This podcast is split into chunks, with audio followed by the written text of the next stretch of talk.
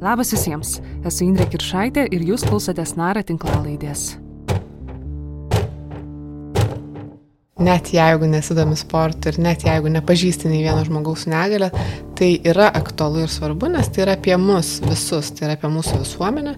Nuo neįgalumo niekas nėra apsaugotas, nes nemažai žmonių iš paralimpinės rinktinės e, e, negalę patyrė ir e, tą klasę negalės gavo tikrai ne nuo gimimo, o tiesiog atsitiko kažkas ir jie turės to gyventi, tai nie, nei vienas iš mūsų ar mūsų šeimos narių nėra apsaugotas nuo to ir jeigu mes žinosim, kokia yra situacija ir žinosim, ką žmonės patiria, žinosim, su kokiais sunkumais susiduria ir ko reikia ir ko trūksta, kad jie galėtų gyventi pilna vertiškesnį gyvenimą mūsų visuomeniai, tai visiems nuo to bus tik geriau. Nara po penkerių metų sugrįžta prie paralimpiečių temos. 2016 metais pasirodė dokumentinis multimedijų pasakojimas Gale nugalėti, kuriame užfiksuoti visi sportininkai besiruošiantis Rio de Janeiro paralimpinėms žaidynėms. Šį kartą su paralimpiečiais nusprendėme pasikalbėti po Tokijo paralimpinių žaidynių, iš kurių mūsų paraatletai grįžo su trimis bronzos medaliais plaukimo dzido ir golbolo rungtyse Tačiau šiam epizodui pasikalbėjome ne tik su medalininkais. Mums įdomu, kuo gyvena paralimpinių žaidynių senbuviai. Taip pat ir nauji sportininkai. Tad kviečiu likti kartu. Pirmiausia, su kolege Berta Tilmantaitė nusikelkime į 2016-uosius. Man visada paralimpiečio tema ir apskritai žmonių su negale, sportininkų tema visada atrodė nara tokia tema. Turbūt dėl 2016 metų projekto tai turbūt buvo Nepamenu, ar pats pirmas projektas, kurį e, pasi, pamačiau iš jūsų darbų, bet, e, bet atsimenu, kad man jis kažkaip padėjo suprasti, kokiamis vertybėmis tada Nanuk vadovaujasi ir kažkaip labiau gal jūs pažinti kaip žmonės ir kokiamis temomis atrodo svarbu kalbėti. Um, šiandien grįžtam prie šitos temos Kaip prisimeni tuos 2016 metus, tą darbą prieš Rio de Janeiro e, paralimpinės žaidynės, tą laiką kartu su e, paralimpiečiais praleista, kas išliko tavo galvoje iš to laiko? E, tada labai apskritai viskas juokingai gal ir keistai dėliojasi ir tas darbas dviejų mėnesių, 24 valandų ir 7 per parą ir 7 dienų per savaitę intensyvus, tai buvo toks vienas įdomiausių nuotikių e, ir susitikimas su visais sportininkais. Irgi aš atsimenu, kad tiesiog norėjau padaryti gal kokį vieną video pasakojimą grįžusi vasarą ir viskas išvirto į tuos penkis video pasakojimus, istorijas, tekstus ir didžiulį multimedijinį projektą. Labai įdomus laikas buvo dėl tų pažinčių, visų, kurias mes patyrėm susitikdami su visais 13 paralimpinės rinktinės narių.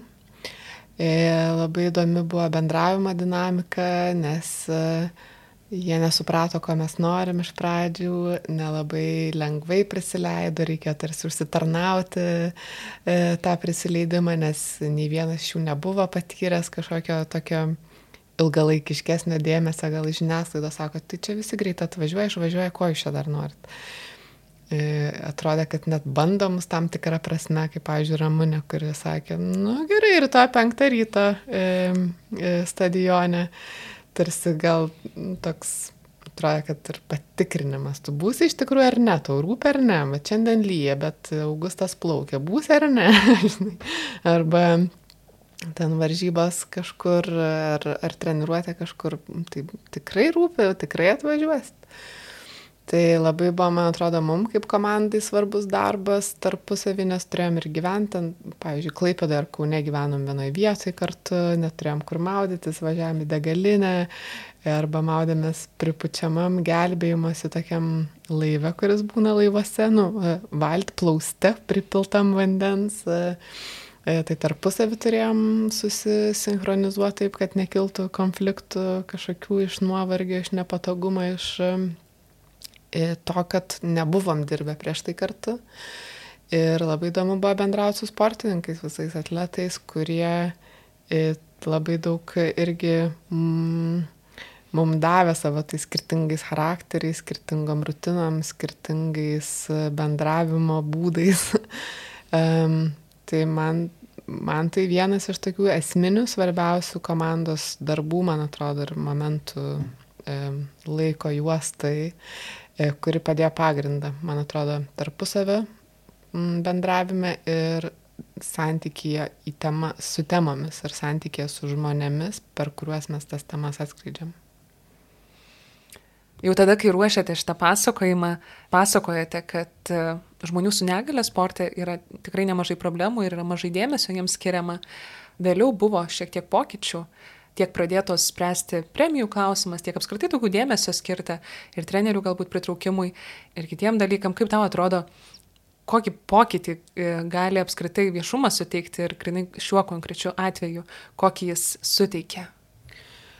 Pirmiausia, man gal labai svarbu yra pabrėžti tai, kad kalbant apie neįgaliųjų sportą, tai mes nekalbam tik apie neįgaliųjų sportą, mes kalbam apskritai apie neįgalių žmonių ar žmonių su negale situaciją Lietuvoje. Ir sportas yra tik vienas iš tokių gal E, pjūvių, per kurį galima apie tai kalbėti, nes jis toks yra mm, ryškesnis, gal ir stipriau matomas, ypač paralimpinių žaidinių ir olimpinių žaidinių kontekste.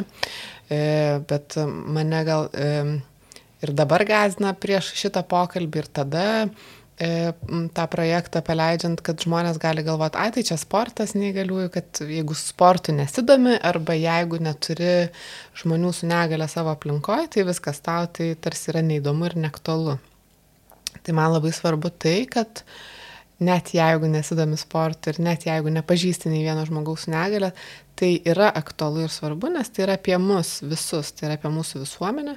Nuo neįgalumo niekas nėra apsaugotas, nes nemažai žmonių iš paralimpinės rinktinės e, e, negalę patyrė ir e, tą klasę negalės gavo tikrai ne nuo gimimo, o tiesiog atsitiko kažkas ir jie turės to gyventi, tai nie, nei vienas iš mūsų ar mūsų šeimos narių nėra apsaugotas nuo to ir jeigu mes žinosim, kokia yra situacija ir žinosim, ką žmonės patiria, žinosim, su kokiais sunkumais susiduria ir reik, ko reikia ir ko trūksta, kad jie galėtų gyventi pilna vertiškesnį gyvenimą mūsų visuomeniai, tai visiems nuo to bus tik geriau.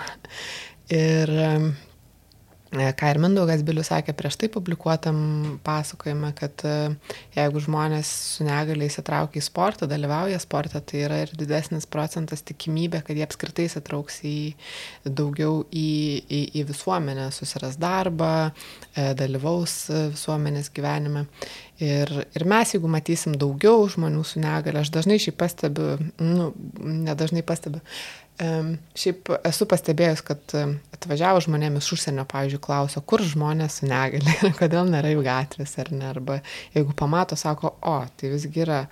E, tai kad jeigu mes daugiau matysim ir daugiau apie tai kalbėsim, būsim samoningesni įtraukimui ir tam galimybių sudarimui, kad e, žmonės galėtų išeiti, turėtų galimybę judėti miestuose, turėtų galimybę dalyvauti renginiuose ir panašiai kad e, tiesiog tai yra tas samoningumo ir atidumo, kad e, yra žmonės su negale ir dažnai jie labai ilgą laiką buvo tiesiog uždaryti, atskirti kažkur. Aš atsimenu mano mokykloje klasės, mano mano laidos, e, laidoj buvo viena mergina su negale, bet mes ją pamatydavom tik per šventes, nes mokymas namuose vykdavo.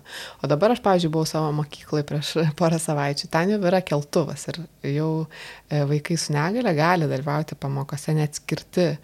E, tai atrodo, kad visuomeniai vyksta pokyčiai ir kad tas įtraukimo momentas aktualus yra. Tai Ir po šito projekto ir pasakojimo, man atrodo, kad tai, aišku, negalima sakyti, kad jisai čia padarė įtaką, bet kad tai yra toks, kur tu sujudini truputį vandenį ir tie ratilai skleidžiasi aplinkui, kad kažkas pamato, padaro dar kažką, papasakoja dar kažką, pasikviečia dar kažkur e, tos pašnekovus sportininkus, vyksta tie... Mm, e, viskas tokiam bangom Vilnyje toliau ir, ir tie pokyčiai vyksta. E, O kas konkrečiai, tai bus galima išgirsti kiekvieno iš tų sportininkų pasakojimuose, kas pasikeitė jų e, akimis žvelgiant.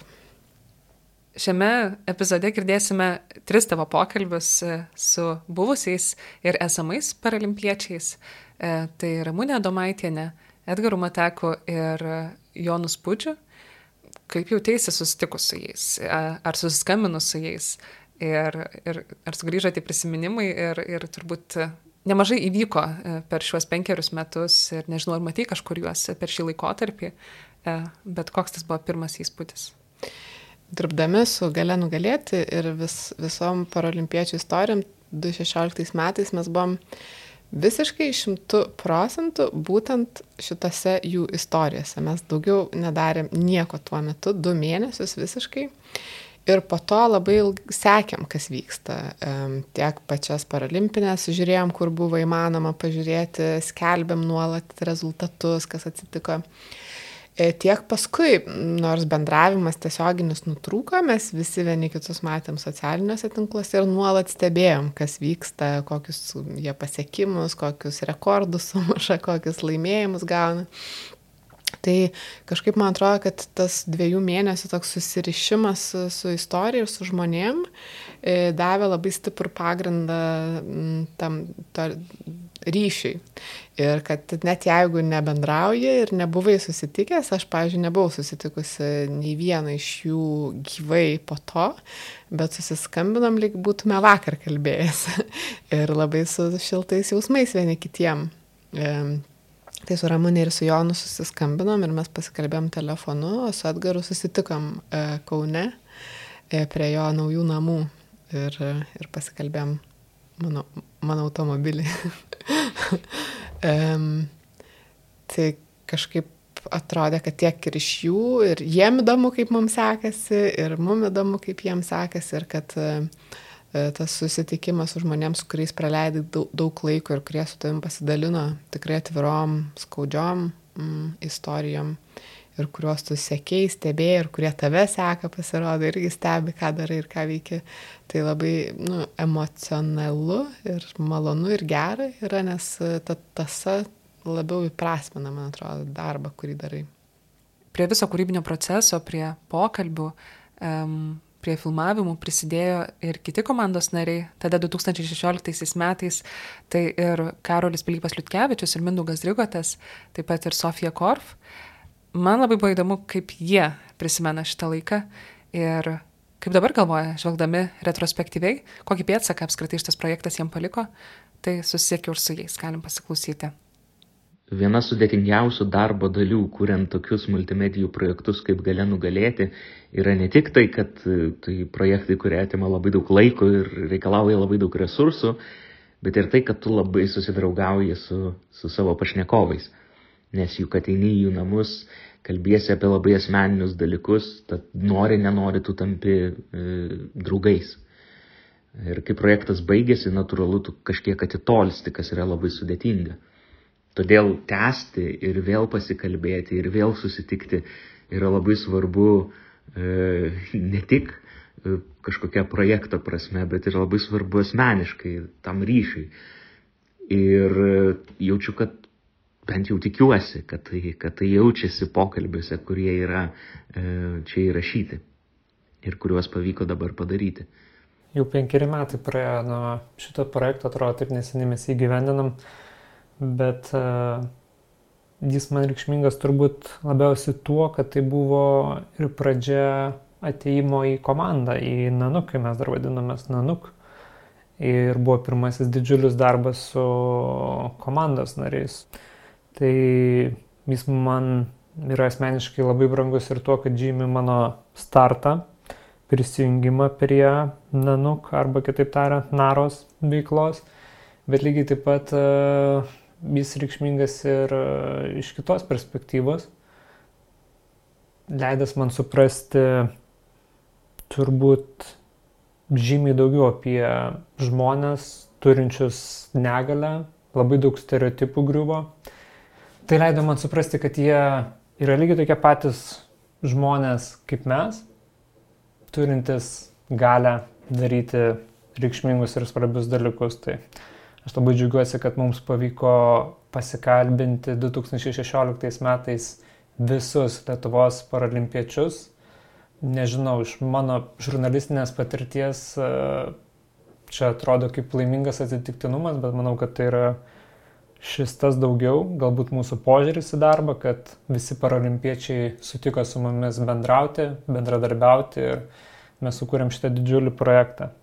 Ir kitas svarbus dalykas, atsimenu, kad e, kai pradžioje bendravome su paralimpiečių dziudo amtinininku Osvaldu Bareikiu, tai jis dar buvo labai jaunas, e, mažai žiniasklaidoje pasisakantis e, vaikinas ir jautėsi tikrai ir jo nerimas, jam buvo sunku bendrauti su mumis ir kai mes sustikome dabar prieš kelis mėnesius po Tokio paralimpinių žaidinių, kuriuose jis laimėjo medalį, tai tu gali tiesiog matyti pokytį, koks Osvaldas jau yra suaugęs, gebantis uh, gerai atsakinėti klausimus, visiškai kitoks negu buvo prieš penkerius metus. Tai aš manau, kad kiekvienas vat, Lietuvos paralimpietis, jis paugo.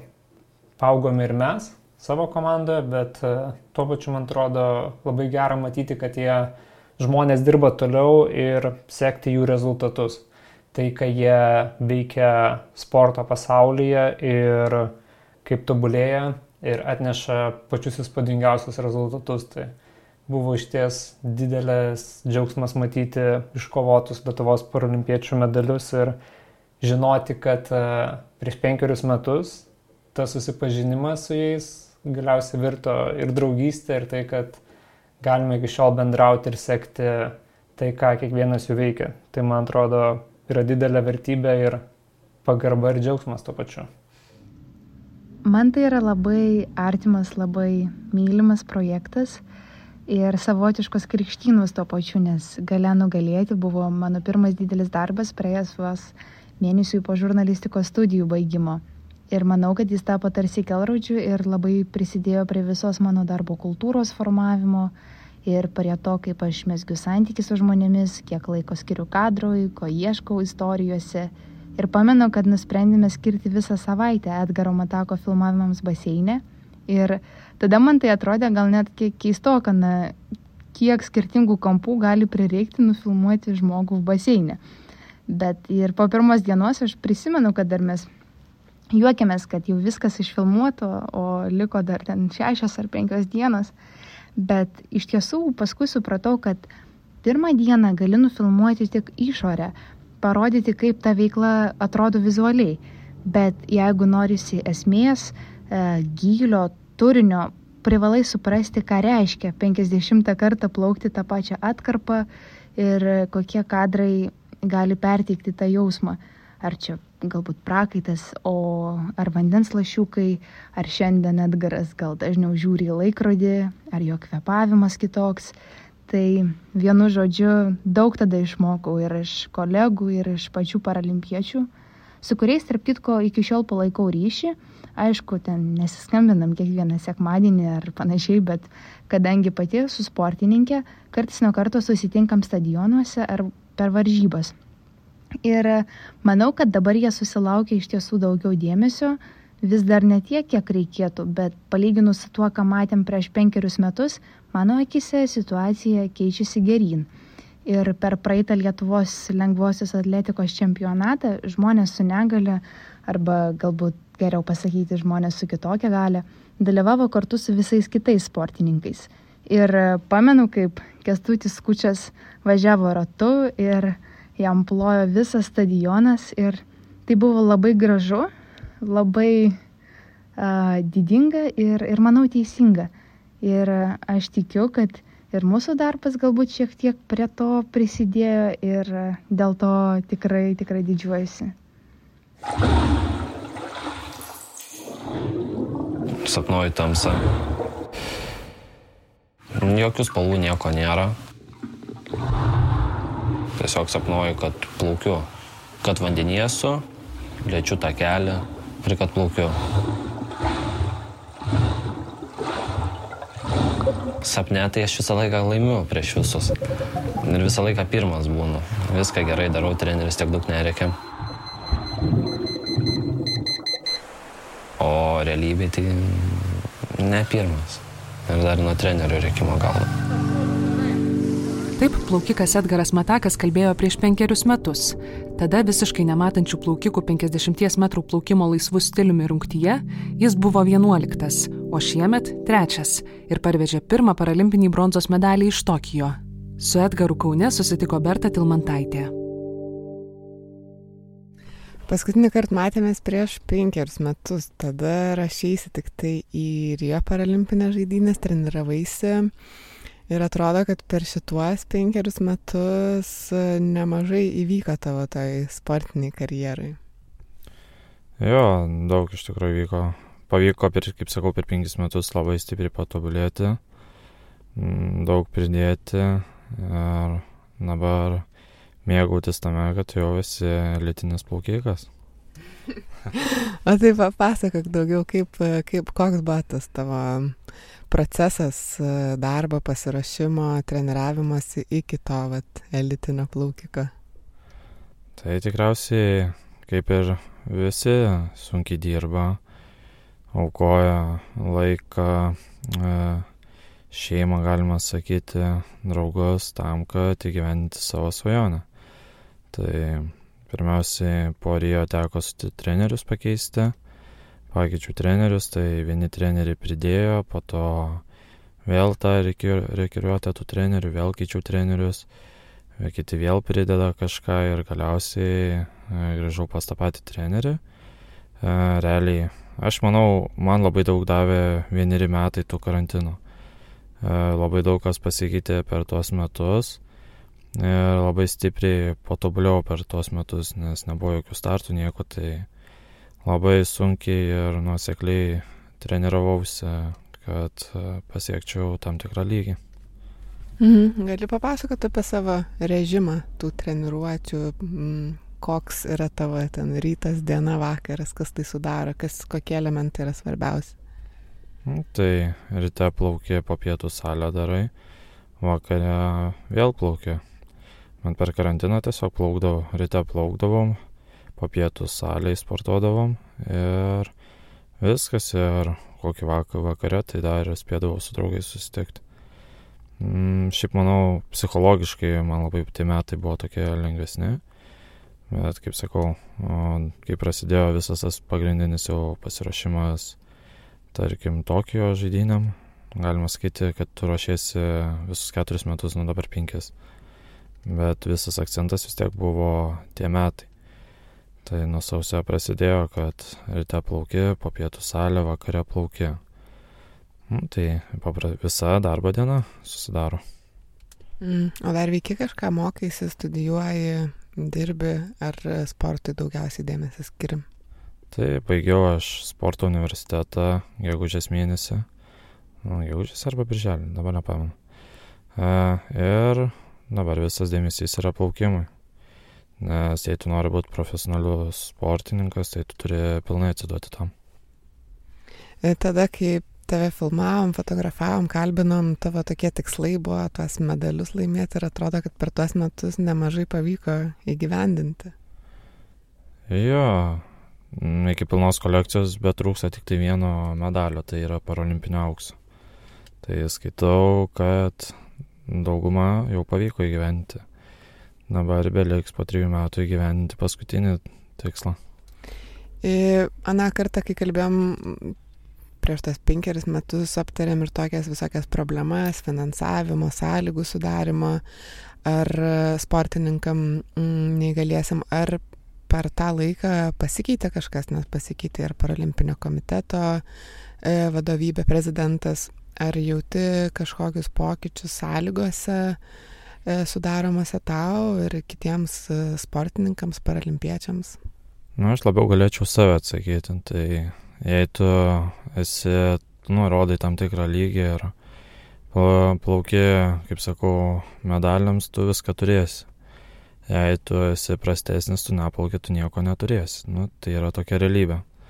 Tai aš esu patenkintas sąlygom, bet, a, e, tarkim, jiemus kitus dalykus, dėl premijų dabar tai nu, skaudu iš tikrųjų, kad mes esame nuvertinti ir mes uh, nesame tikri, pasirodo, pagal valstybę mes nesame tikri sportininkai.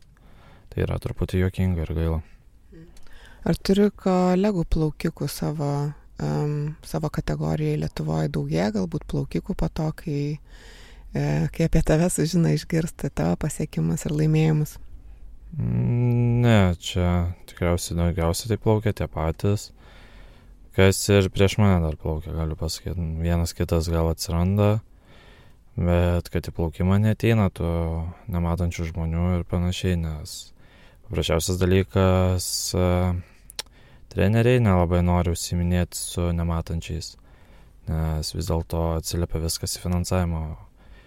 Jei realiai nematant, nu, nematančiam sportininkui reikalingi du treneriai, e, treneris turi vis dėlto visą savo, pavyzdžiui, plaukimo treneris turi visą savo dėmesį skirti vienam sportininkui, tada paimkime, kas belieka, iš ko jis valgys ir iš ko jai jisai dirba už 300 ar už 400. Nu, tai tokia yra realybė, kad neapsimoka kol kas, nelabai apsimoka su nereikiais dirbti treneriams. Dėl to tų ir manau sportininkų nedaugėja.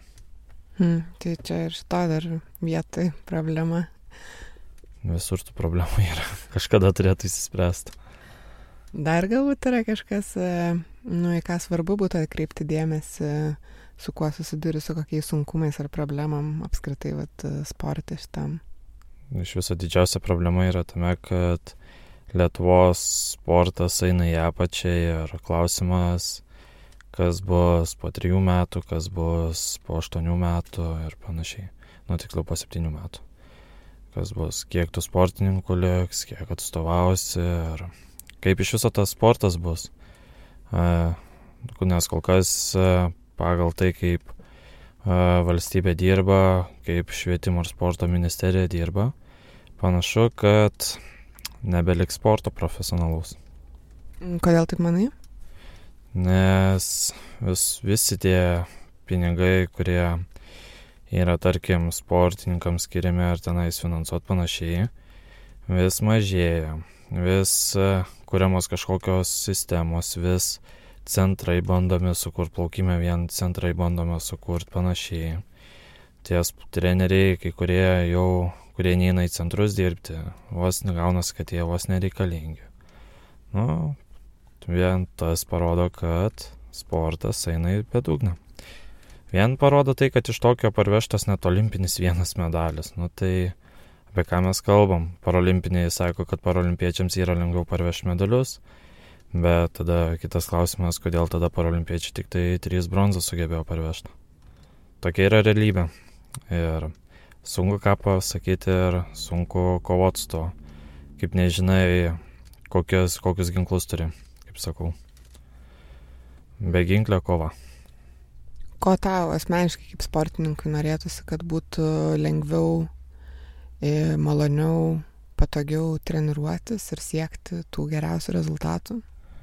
Tai visos tos sąlygos, visas tas dėmesys, visas tas, tarkim, finansavimas, visos išvežimai į stovyklas, masažuotojai tenais, daktarai tie, kaip sakau, kinezai, kad turėtum visą tai. Ir nereikėtų sugalvos, kad trūksta tau kažko viską gautum, ko reikėtų, nebūtų taip sakoma, kad atsiprašom, bet pinigų nėra. O tu gauni stipendiją kaip, kaip sportininkas, paralimpietis? Taip, gaunu, bet nu, ta stipendija tai negaliu skūstis, jinai yra tikrai padari ir galima už ją pragyventi. Bet garantų, kad tu kažką turėsi ateityje baigę sportinę karjerą, dar nesi dar nieko neužtikrinęs, nes vis dėlto paralimpiečiams už trečią vietą remtos neduodama. Tai kol kas nieko neužtikrinai, kad galėtum ramiai sportuoti ir žinoti, kad jau turi užsitikrinęs senatvėje sporto pinigų. Tai tau nesumažina motivacijos sportuoti, vis tiek nori plaukti toliau.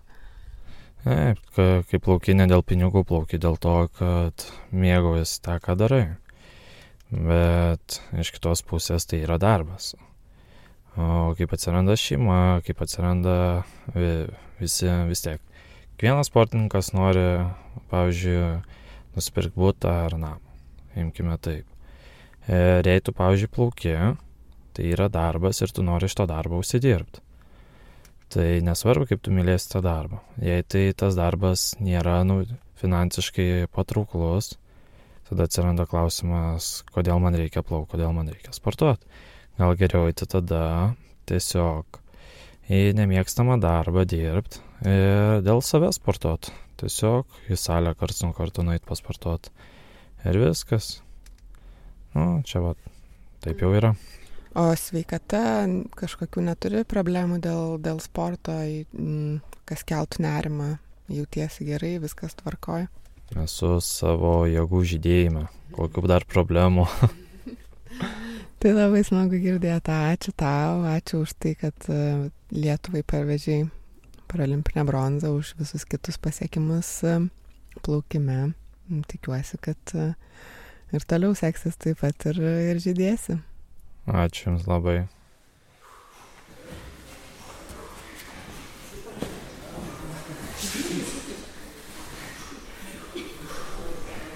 Sporto aikštelį bijau pralaimėti ir nuvilti kitus, tie, kurie manim tikėjo.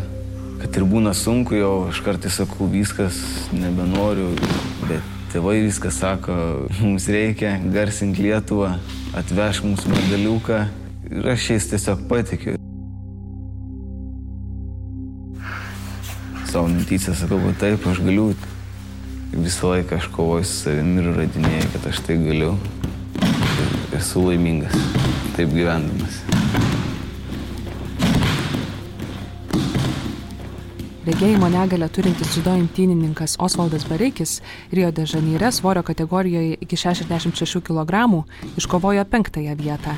Šiemet į svorio kategorijoje iki 73 kg buvo trečias ir parvežė paralimpinį bronzos medalį į Lietuvą. Su Osvaldu sporto salėje Vilniuje kalbasi Mindaugas Drigotas. Tai Osvaldai, paskutinį kartą mes su tavim vat, matėmės prieš penkerius metus oro uoste, kai grįžai iš Rio de Janeiro. Kas nuo to laiko turbūt daug pasikeitė gyvenime? Mano gyvenime daug pasikeitė nuo to laiko. E, visų pirma, tai jau parijo e, buvo tas nusivylimas, kad, e, kad penktas likau nuo medalio per žingsnį. Kitas dalykas pasikeitė, tai nusprendžiau poryje iškart pakeisti svorio kategoriją savo. Tai jau daug labai buvo man, nes perėjau į 73 kg. Tai visus tuos metus penkerius reikėjo priprasti prie svorio kategorijos. E, daug buvo su, su, su žmona, visokių reikalų e, ir, ir, ir namą statom ir va čia šiais metais dar vaikas gimė, žinai, prieš pat Tokiją. Tai, Tai vien šiais metais buvo labai daug reikalų, žinoma, ir pandemija, ir viską, tai daug labai susidėjo visko, daug įvyko per tos penkerius metus. Tai labai sveikinu su tėvystė, nes vardas Eivinas, ar ne? Taip, vardas Eivinas ir dabar jam netiek ir daug, bando sėstis, bandom treniruoti pilvo presą, atsilenkimus darom. darom. Mama visą laiką, o, sako, netreniruok, aš, aš ne kaip kaip sportininkas norisi vaiką vis tiek truputį, kad jis greičiau kažko pradėtų, galbūt vaikščiai, galbūt sės, galbūt kažką šnekėti. Tai, tai aš toks sportinį interesą dar turiu. Ir jums už mano glosną vaikutis gimė vasarą, vat, kaip tik tada, kai ir turėjai ruoštis treniruotėms. Ritmas pasikeitė visas darbinis ir šiaip gyvenimo. Tai visiškai pasikeitė ritmas, kadangi daug dėmesio buvo skirta jam, viskas jam. O dar po to, kai sužinau, kad gavau dar kelialapį, nu, ir tą vadinamą kvietimą žalę kortą jau, kur ten gauna sportininkas, tai teko tada dar ruoštis ir, ir tokį, tai suderinti vaiko gimimą ir, ir treniruotės intensyvės. Tai nu, buvo labai iššūkis, kadangi vaikas ir, ir, ir naktį, žinai, keliasi, viską tai toks naktį nėra labai pilnas išsimiegojimas. E, dieną vis dėlto grįžti, nepalsėti, o, o dar su vaiku, žinai, pabūti. Tai gal šiek tiek padėjo, galbūt dar šiek tiek pasportavau su juo, pakilnojau, žinai. Tai, tai gal visai ir į naudą kažkaip gavosi. Ir tu vad buvai minėjęs, kai mes tim darėm interviu prieš penkerius metus kartu su kolega Karoliu Pilypu Liutkevičiumi, minėjai, kad didžiausias džiaugsmas tu būtų parvežti vat, šeimos ratui medaliuką.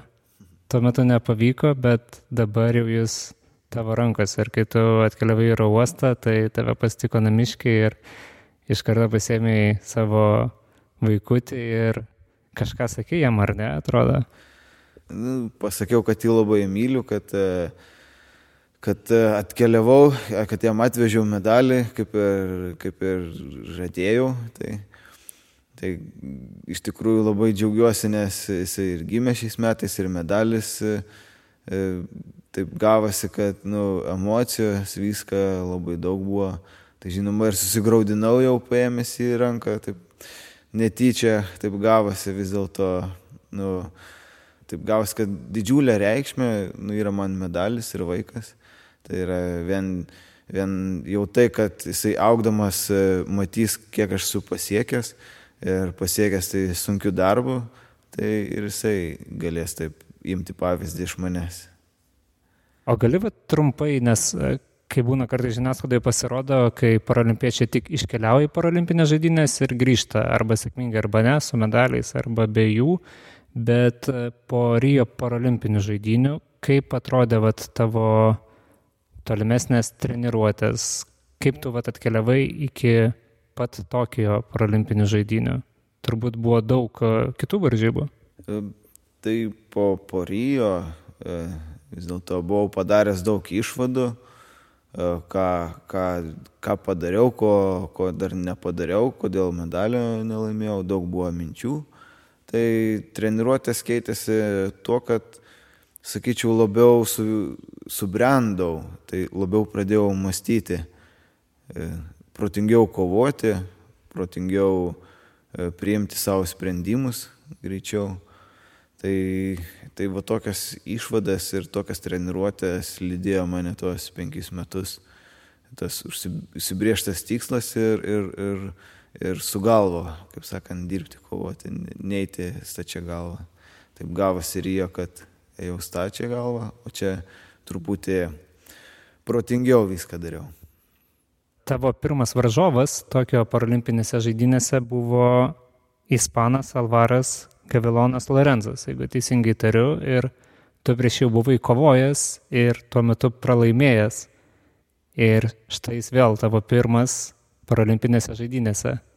Su kokiamis mintimis ėjai šitą vat, revanšą? Kadangi aš prieš jau tris kartus, man atrodo, esu pralaimėjęs, kiek kartų esam sustikę, visą laiką kovodavau su juo dėl trečios vietos ir visą laiką pralaimėdavau. E, tai taip, su ta mintim jau e, paskutinės varžybos prieš Tokijo, kur buvo dar, dar pusantro mėnesio kažkur, tai prieš Tokijo buvo varžybos. E, E, prieš šį tada irgi pralaimėjau. Tai tiesiog padariau išvadas, kad, e, kad, e, kad šį kartą šitose varžybose, jau vis tiek rimtuose, aš turėjau jį prieš jį laimėti. Ir nežinau, vedė mane į priekį mintis, kad aš nesustosiu ant kilimo, kad ir kas bebūtų, kad darysiu viską, ką galiu, nes taip pasikartoti negali. Tai va taip ir išėjau su tokiam mintim. Su Ispanu buvo labai sunku, kadangi ir fiziškai, ir emociškai buvau atidavęs e, tai kovai 100 procentų, 110 gal net procentų, tai nuo kilimo jau nulipau nu, vos ne keturiom. Iš tikrųjų linko kojas buvo sunku, nes atidaviau labai daug tai kovai. Vis dėlto tai mano buvo labai svarbi kova, kadangi pralaimėjau tris kartus prieš jį, tai šį kartą reikėjo kažkaip tai laimėti. Po to, eh, žinoma, sunku buvo labai atsigauti, bet ačiū ten buvusiam kineziterapeutui, masažistui, tenai padėjusiam man viškiai ledukų ant galvos. Iš tikrųjų labai gerai mane atgaivino, viską at, at, at, atsistatėm, bet eh, prieš Uzbeką tada išėjau antrai kovai. Mm. Nu, iš tikrųjų, jisai tapo čempionu, tai jisai vertas to titulo, jisai techniškas, e, gerai jaučia žmogų, Ir, ir taip gavas, kad po, po Ispanų pakankamai pavargęs ir greit pralaimėjau, ten atrodo, kovo vyko šešias sekundės, tik tai tai neįspūdingiausias mano pasirodymas, sakyčiau. po to e, trečią kovą turėjau su Japonu, jau kadangi jisai šeimininkas, tai pakankamai sunku galbūt e, kovoti su šeimininku. Vis dėlto tai jo erdvė, žinai, jo teritorija labai daug jisai palaikymo gauna tikriausiai iš aplinkinių. Tai, tai vien jau psichologiškai buvo sunku su juo kovoti, bet pakankamai, eh, pakankamai jau buvau pasiruošęs ir nusiteikęs eiti toliau. Nežinau, kad sekanti kova bus tada dėl trečios vietos. Tai, tai pakankamai lengvai prieš šį tada nugalėjau. O, o dėl trečios vietos jau tada kai jau sužinojau, kad reikės teks su, su, su Sakartvelo, iš Sakartvelo sportininku kovoti, tai iš tikrųjų toks buvo nusivylimas iš pradžių, nes toks dežavų, aš e, prieš jį irgi esu kovojęs, tai yra vėl du kartus prieš jį esu pralaimėjęs, tai yra nei kartą nesu dar prieš jį laimėjęs. Tai irgi toksai, pradžiai buvo, sakau, didžiulis apmaudas, nusivylimas kažkodėl tai, bet treneris sugebėjo mane pastatyti e, psichologiškai ant kojų, kad čia, nu, kad, kad čia yra gerai, žinai, kad čia galim vėl atsirevanšuoti, kaip ir prieš Ispaną atsirevanšavom, taip ir čia nai galim atsirevanšuoti. Tai iš tikrųjų psichologiškai labai buvau tada susikaupęs, labai e, pasiruošęs tam, kūnas jau buvo seniai paruoštas, o psichologiškai va, tenai jau tada iki galo pasiruošiau. Ir, ir, nu ir ką, ir tada išėjau, dar kadangi reikėjo prieš kovą tenai man pakankamai laukti ilgai, nu, nes ten dar vyko irgi dėl trečios vietos kova, e, tai tenai pakankamai ramiai buvau. Treneris jau galbūt labiau jaudinasi negu aš, ten labai spirgėjo, judino mane, žinai. O aš jau, jau, jau buvau susikaupęs tai kovai, jau kaip ir pasiruošęs, žinai. Gerai, kad neperdegiau, o po to gausi taip, kad e, gausi taip, kad tada išėjau ant kilimo jau visiškai ramus, nusteikęs e, kaip ir su Ispanu kovoti lygi galo, vis dėlto čia dėl trečios vietos. Jau vieną kartą esu pralaimėjęs tokio rango varžybose dėl trečios vietos, tai šį kartą jau nenorėjau, kaip sakant, užleistos vietos kažkam kitam. Tai sunki buvo kova ir, ir vienu taškeliu taip pakeliavau iki medalio. Ir tada, kai jau sužinojai, kad laimėjai, kad esi nugalėtas ir jau turi savo rankose medaliuką, koks jausmas pat yra iškovoti medalį, apie kurį tu svajoji tiek metų, apie kurį tu mums pasakai interviu ir kad pagaliau tu jį turi?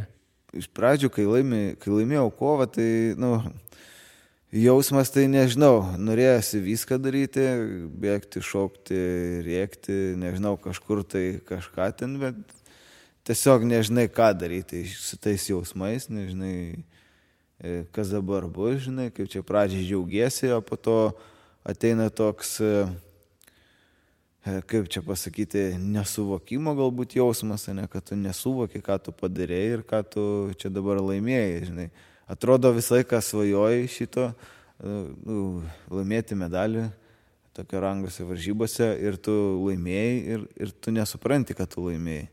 Tai va toks jausmas apėmė, žinai, po to jau nulipus nuo kilimo, tu kažkur eini, tai visi sveikina, tu atrodo, nu ką aš, žinai, padariau, kodėl, žinai, sveikinat mane, ar čia čia kas, žinai, taip dar paėmė, po to jau po ceremonijos, po viską, kai jau gauni tą medalį ir vis tiek, žinai, žiūri ir galvoji, kad kažkam reikia atiduoti tą medalį, čiagi ne tavo, žinai. Tai, tai va su tokiu jausmu pragyvenau, sakyčiau, gal savaitę, gerą, dvi, kol apskritai aš pats patikėjau, kad, kad aš šiandien parvežiau medalį ir čia yra mano, kad čia mano yra nuopilnas ir, ir kad wow, ką padariau. Nes kai tu grįžai į Vilniaus oro uostą, kai jūs jau nusileidot ir jūs pasitiko Lietuvo žurnalistai ir tu per kažkurį interviu ir minėjai, kad tu dar jautiesi kaip, kaip sapne ir nepaisant, kad tu jau keliauji čia į Lietuvą, tu dar netiki, kad, kad tu jį turi ir jis yra būtent tavo ir tau reikia prie to priprastai. Ar jau pripratai?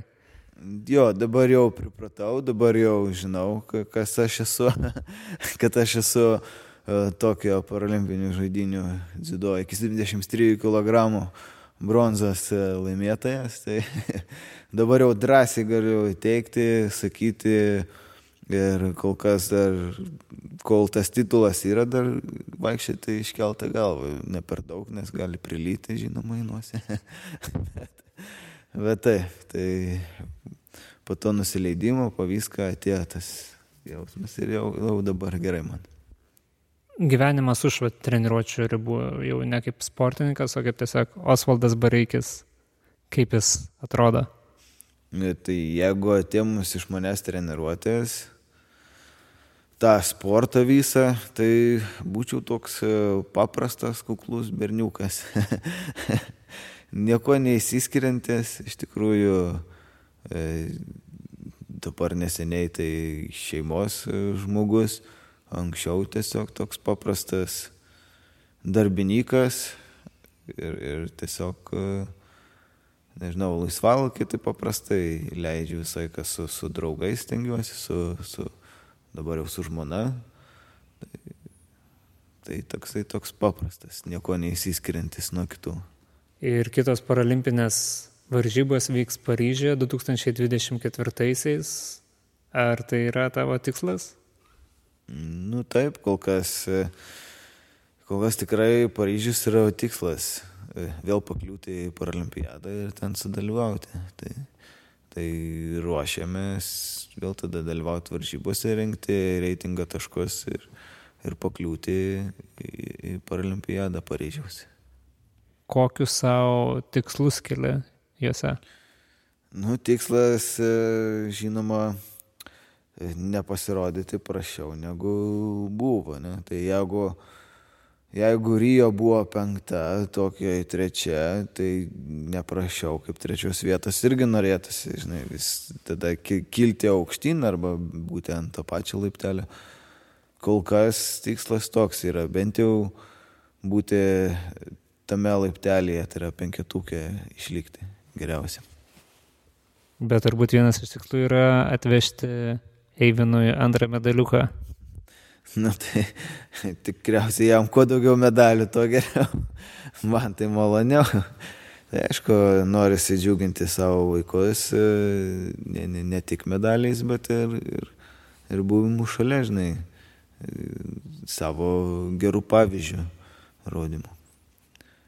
Tai ačiū labai Osvaldai ir penktadienio vakaras, manau, pats metas grįžti pas šeimyną pas gluosnę ir Eividai namus? Taip, jau labai laukiu, tikriausiai manęs jau pasigėdo. Pranešiau, kad šiek tiek vėluosi namo, bet e, tikėkime, labai pikti nebus. Saldainių parvešiu.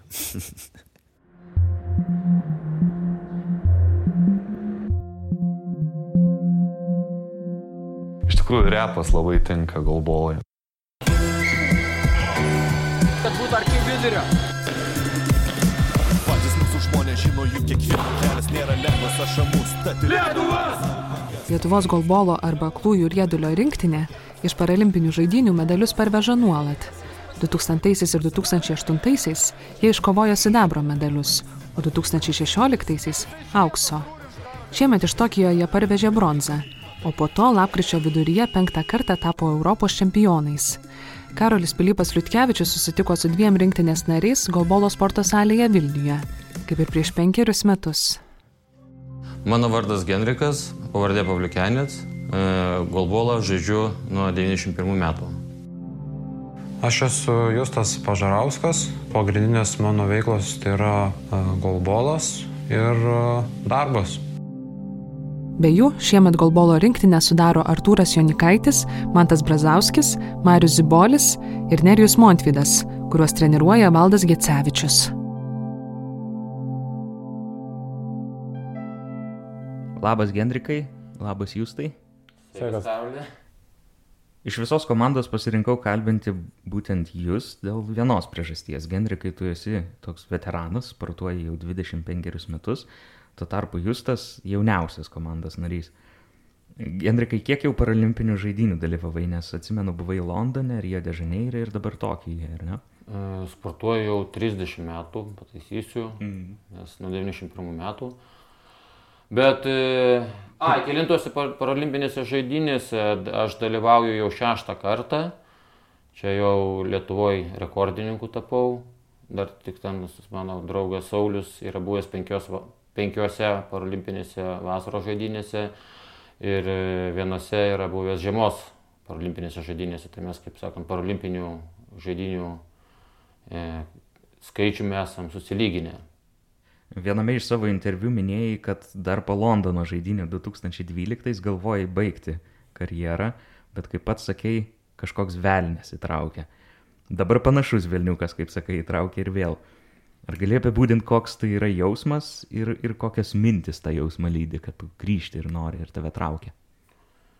Aš jau minėjau ne vienam interviu, kad tai yra velnis, dabar jau naują terminą jam sugalvojau, tai yra E, priklausomybė. Mes esam jau turbūt tie, kurie prasportuoja daugiau kaip 10-15 metų, įsijungdo priklausomybę ir jiems e, tiesiog e, turbūt visą gyvenimą teks žengti ar su didžiuoju, su aukšto meistriškumo sportu, ar su veteranų sportu, bet jie, bet tiesiog tu be to sporto gali pargyventi metus, kitus, bet po truputėlį vis tiek tave tas sportas kažkur tai suranda.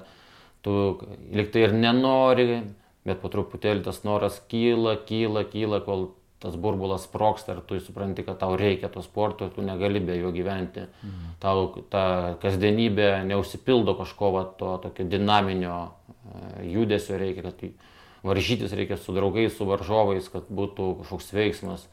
Tu gal gali ten tą sportą pakeisti keliaudamas, bet tai keliaudamas tu judi, bet tu net, nesiva, neturi su kuo varžytis tame Kažkokios konkurencijos. Taip, nėra konkurencijos, nėra to azarto tokio, sakykime. Nu, čia negali palyginti su azartiniais žaidimais, bet e, čia turi būti konkurencija, turi būti azartas, mm. turi būti siekis kažkoks tikslas. Nes prieš tokią žaidynę tau paskambino komandos strategas Valdas Gecevičius ir pasiūlė prisijungti prie komandos. Tai gal gali pasakyti, koks tas skambutis buvo ir ar daug reikėjo tave įtikinėti? Ne, visiškai tikinėti manęs nereikėjo. Aš dar kažkur tai gal prieš metus gerus, kai tik valdas atėjo į komandą ir kelis kartus čia buvo atėjęs treniruoti, tiesiog e, kažkas susirgęs buvo, ar kaip, aš dabar tiksliai nepamenu.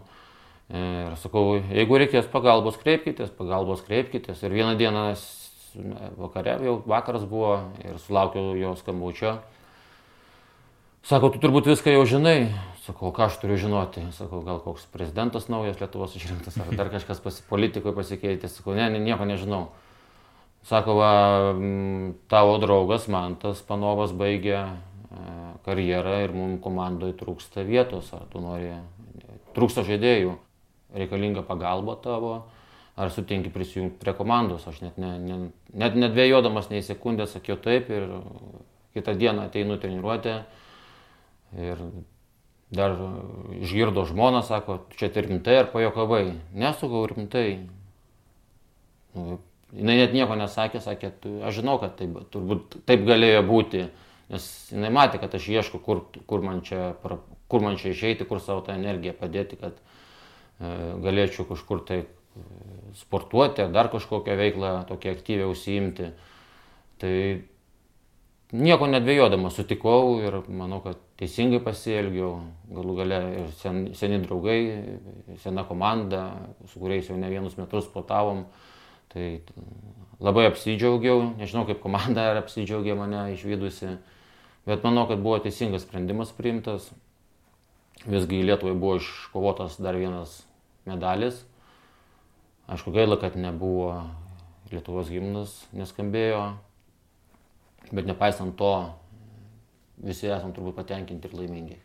O jūs tai tu apsidžiaugiai, kai sužinojai, kad Genrikas grįžta? Nu taip, tos, ne, ką mes labai penkėsiu būtumėm nuveikę ten. Tai bet kokiu atveju buvo nors ir jis Genrikas nežaidė kiek ten metus ar porą, bet na, formos nebuvo praradęs, tai jeigu net atsistatė ir atrodo, kai nebūtų tų keliarių metų čia tos pertraukos. Tai. Mm. O matydamas Genriko sėkmę žaidžiant tiek ilgai, pats irgi norėtum tokios ilgos karjeros? Ai, tiek ilgai tai ne. Mano tik tai ta, dvi iš jau parolimpinės, jam šešios, tai, tai pagalvoju, kiek čia dar metų reiktų sportuoti. Nu, mano startas tų parolimpinių buvo geresnis negu Genriko, jam reikėjo penkių parolimpinių aukso, aš jau turiu, tai, nu ką, dabar reiktų ar kokio sidabro, ar dar kokio vieno aukso. Ai, tai, tai dar kažko vieno reikia kažko. Nu, kad jau, tai jeigu tęsiam karjerą, nu, tai jūs tai, kai mes dar kūrėm galę nugalėti, buvai jauniausias komandos žaidėjas, o dabar praėjus penkiems metams vis dar esi jauniausias komandos žaidėjas. Ir apskritai visi komandos žaidėjų veidai atpažįstami man. Ar kodėl taip yra, ar neprisijungia jaunų, naujų žaidėjų, ar kodėl, kodėl neteina jaunesnių? Tai na, turim vieną, kuris vat, jau du, dviejų metai gal treniruojas kartu. Tai jeigu panašu, bus jau rinktinė, tai nebebus jauniausias, bus antras pagal jaunumą. Bet kodėl neteina, tai labai toks, mm, na, platus dalykas yra. Mes visi atėjome iš jaunos mokyklos, tas pats ir dabar, kur sakiau, jauniausias mm, galimai rinktinės narys, o iš aklųjų mokyklos ten mažai ir mokinių, o visi dabar tie, kas turi kažkokias negalias, jie integruojasi į paprastas mokyklas, o jų kažkaip prisikviesti tarsi yra sudėtinga, kažkokias sąlygas sukurti, tai taip natūraliai gaunasi, kad mes vieni tik tai sportuojam, o tokio šviežinimo ir nėra. O, o kodėl, sakai, sudėtinga prijungti tuos, kurie integruojasi į, į, į paprastas mokyklas? Na, pavyzdžiui, aš e, ne, nesu Vilnietis, esu iš Joniškio, Tai įsivaizduok, jeigu aš būčiau ten ir pasilikęs, integravęsis, kur man jauniškai galbola žaisti, kur man ką sportuoti. Tai nu nėra šansų. Tad atvažiavęs į Vilnių man tos sąlygos buvo.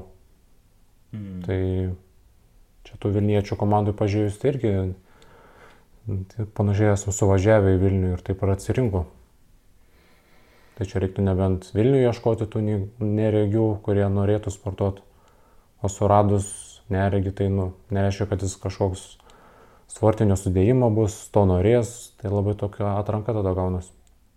Įdomu, nes atrodo, kad nu, jūs, jūs tokie vėliavnešiai esat e, paralimpinių žaidinių Lietuvoje, daug laimėt visokių medalių, esate matomi žiniasklaidoje ir atrodo jau tai turėtų dominti žmonės kažkiek, bet, e, bet to neužtenka, ar nereikia kažkokios sistemos, kuri padėtų integruoti, ką Genrikai tu manai, Gerai jūsų pastebėjo, kad e, mes mokėmės vienoje mokykloje, baigėm tiksliau vieną mokyklą, ten buvo sąlygos treniruotis, bet kai integravo, padarė, e, padarė integruotą mokymą, e, turbūt niekas nepagalvojo apie tai, kad nėra paruošta sistema, nėra jokios strategijos, kaip tuos vaikus integruoti į tą, į tą aukšto meistriškumo sportą, kad jie turėtų gali, sąlygas, galimybės sportuoti, nes, nu, tai, tarkim, kažkoks ten e, Antanas gyvenantis plungiai, kuris lanko kažkokią tai mokyklą vidurinę, nu, šimtų procentų. Ten nėra nei specialistų, ten gal koks socialinis darbuotojas yra, kuris jam tam padeda pamokas paruošti, dar kažką tai, kažkokią pamoko, bet kad e, žmogus, treneris kažkoks būtų, kuris norėtų, tarkim, ir lengvąją su juo užsiimti, aš labai abejoju, ar ten tokių specialistų yra, nes su neįgaliuoju žmogumi tai nereiškia dirbti, tai nereiškia, kad tu paimi paprasčiausią trenerį iš gatvės, va, jam pristatai ir treniruoji. Su ne, žmogu su negale reikia mokėti su juo dirbti. Tas pats liečia ir akluosius, manau, tas pats liečia ir su fizinė negalė, su vežimėlėje sėdinčiai žmonėm. Tai tiesiog reikia turėti tam tikras žinias, patirtį, dirbant su jais.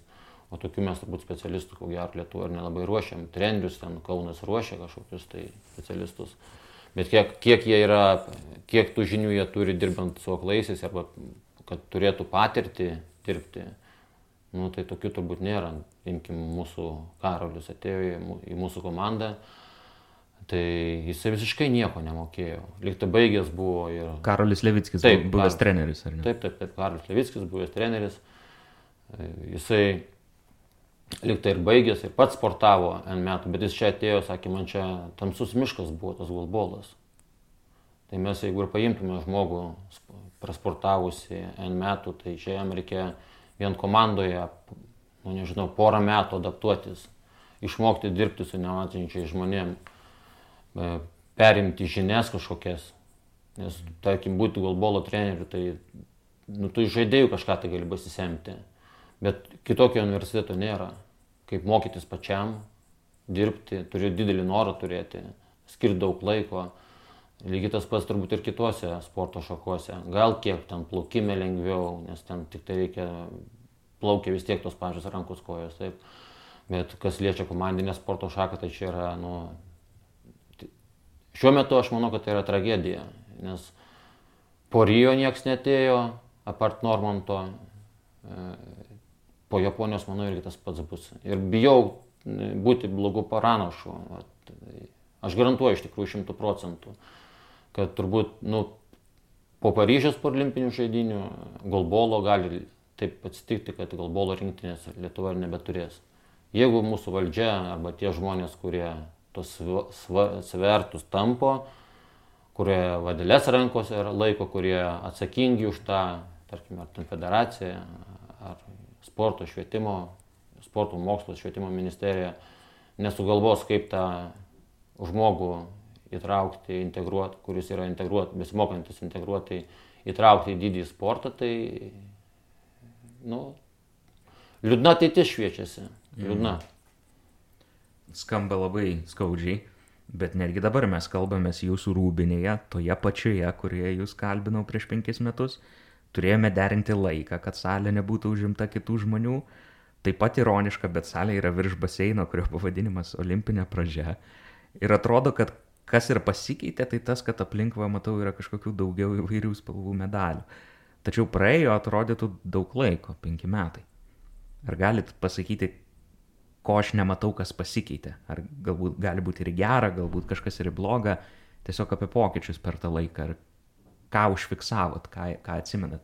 Ne, tai žiūrint 16 metus ir dabar, tai nu, pačio rinktinį pakeitimų yra. Nu, žiūrint, dabar lygų lyginant, tai du žaidėjai išėjo, prisijungė, nu, seni nauji, bet toje rinktinėje, kur dabar atstovavo, tai tokie pakeitimai, trenerių pasikeitimai. O golbolo sportė Lietuvoje apskritai? Ne, golbolo tai kas. Nu, kas tai kiek yra golbolo, tai tu matai, va, štai rūbiniai.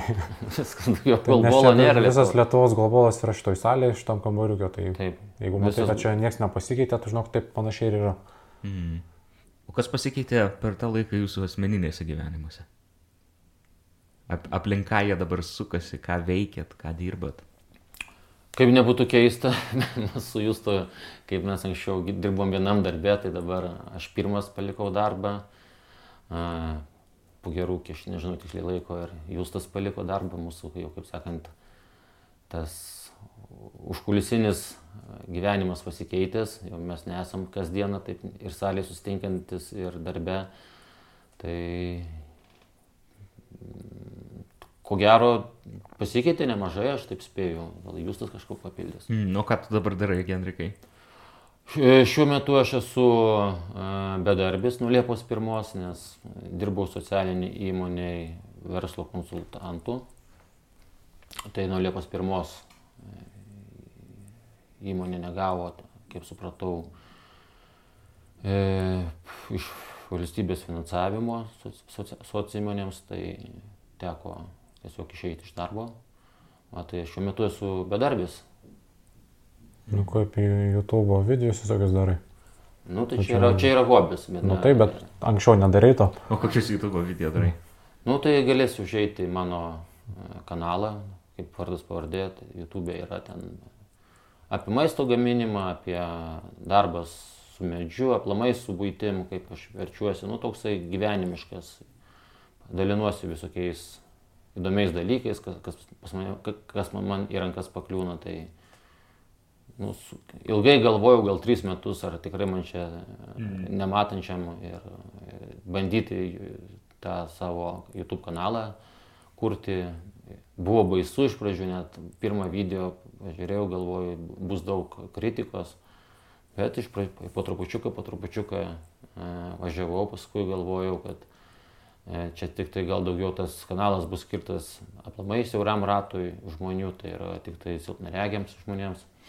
Bet paskui, kaip įsidrasinau, tai pradėjau platesnės temas nagrinėti, nenagrinėti, o, kaip sakant, filmuoti. E, Pažiūrėjau, kad labai žmonės mėgsta valgyti, aš pats mėgstu skaniai pavalgyti, tai kažkaip tai kilo mintis, kad reikia va, tokį YouTube kanalą įkurti, kuriame visi tiesiog matytų, kaip aš gyvenu, kaip aš gaminu maistą, tos receptus, kaip aš įsivaizduoju, ar jie, tai, tai galbūt jie ne visiškai teisingi, e, kur aš keliauju, kelionių ten savo tokius video įdedu, taip, nu, kažką nufilmuoju, kaip man sekasi aplamai filmuoti, nes labai sunku ir nematant filmuoti, tai kažkiek žmona padeda, aš ten daugiau esu tik tai tas garsistas, kuris už kadro kalbu. Vedėjas. Vedėjas, jo. Tai toksai, nu, įdomus iš tikrųjų darbas, ne darbas, o hobis įdomus. Na, tikrai.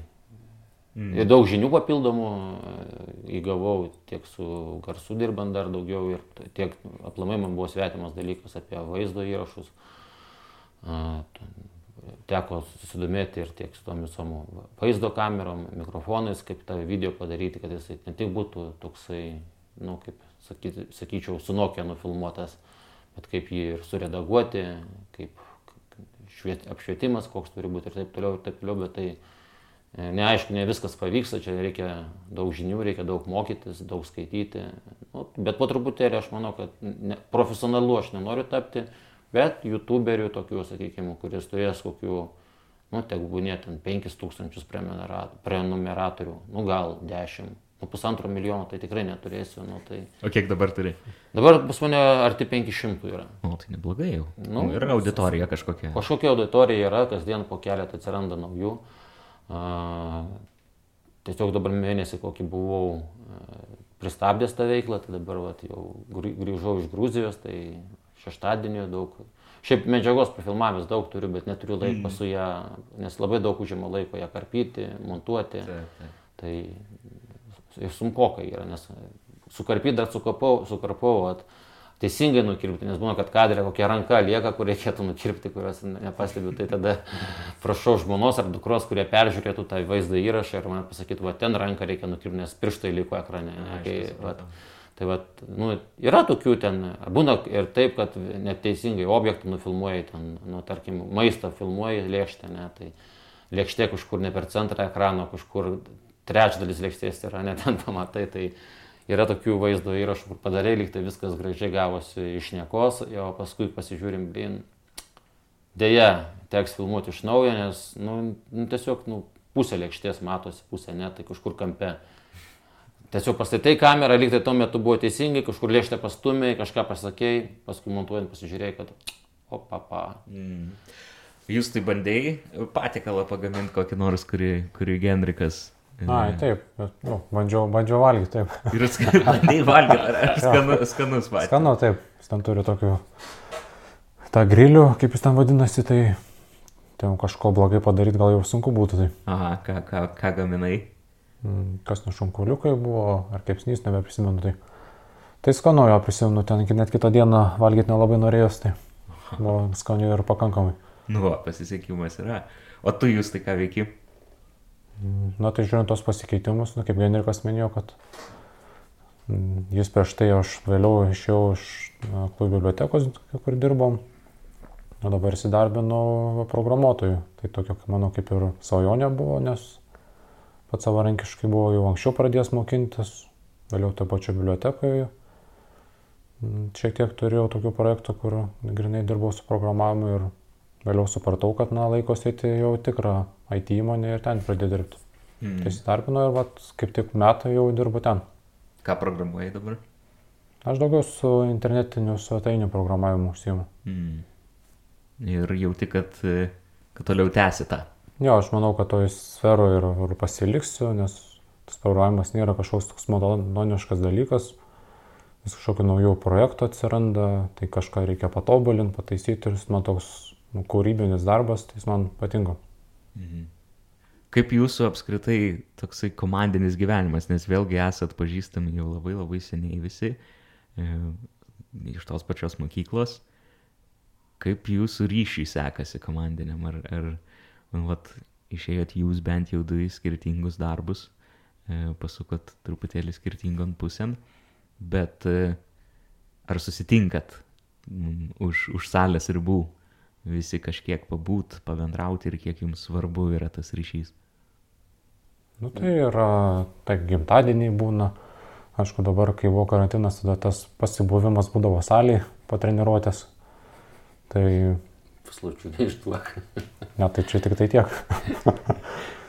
Bet, nu, kad kartu, nu, kartais vis tiek 66-7, dar plus treneriai kartais šiaip sutitinka gal susitikti, bet kartais tiesiog iš anksto susiorganizuojame, tai pas trenerių, tai kokiu gimtadienį pas Gendrį, kad tada buvom nuvykę. Bet kad būna, kad ir šiaip ko nors susiskambinu su vienu kitu ir susitinki ir, ir kažkaip praleidė tą laiką. Aišku, būna, kad, na, treniruotės vyksta kasdien, tai kartais jau, kartais norisi palisėti nuo vienas nuo, nuo kito, ypač jeigu kokios stovyklos, tai ten dar daugiau to laiko kartu praleidžiame, bet savaitgalį dar kažkas, tai nėra kažkokių problemų susitikti. Čia kalbinau jūs du, bet e, yra daugiau komandos narių. Ir jeigu jie klauso šitai ir kažkokį palinkėjimą turit jiems perduoti, kažkokį žodį pasakyti. Genrikai nuo tavęs pradėsiu. Labai noriu, kad e, Lietuvos golbolas visgi neišnyktų iš pasaulio žemėlapio. Tai aš tikiuosi, kad jeigu taip atsitiks, kad aš, Marius, jau tie veteranai, kuriems virš 45, Marijų turbūt 47 bus. Tai jeigu mes iš kartais dėl sveikatos jau problemų nebegalėtume sportuoti, tai noriu tie, kurie liks, e, tikrai, kad dar bent, bent jau kokius tris metus, bent dvi paralimpinės žaidynės dviejas e, atstovautų Lietuvai. Va, tai mes aišku, kiek galėsim, tiek padėsim, bet norisi, kad tas golbolas neišnyktų ir kad vyrai neįsiskirstytų ir kad tas darbas, kurio pradžią aš mačiau, nes e, Marius matė, tarkim, prieš 24 metus, kai 93-98 metais mes Madrido, Madride pirmą kartą iškovojom e, teisę dalyvauti, dalyvauti paralimpinėse žaidynėse, tai nu, norėčiau, kad būtų tas golbolas Lietuvoje ir ir kad jaunimas ateitų pas mus žaisti. Jūs tai? Aš ir norėtų čia siūlymų palinkėjimą daryti komandos nariam, bet aš visgi to palinkėjimo norėjau tiem klausytojam, kurie, na, gal norėtų žaisti golbolą. Tai ir noriu palinkėti, kad, na, nėra ko, nežinau, sėdėti namie. Na, šiandien būtinai golbolą, šiaip užsimti sportu ir lengva atletika, nes tų žmonių, na, niekada nebus per daug ir jeigu atsiras ir konkurencija, ir mm, tarp tarp sportininkų, tai tas ir lygis kils ir gal tų ir medalių ir pasiekimų bus daugiau. Ačiū Jums už pokalbį. Ačiū tau. Iki.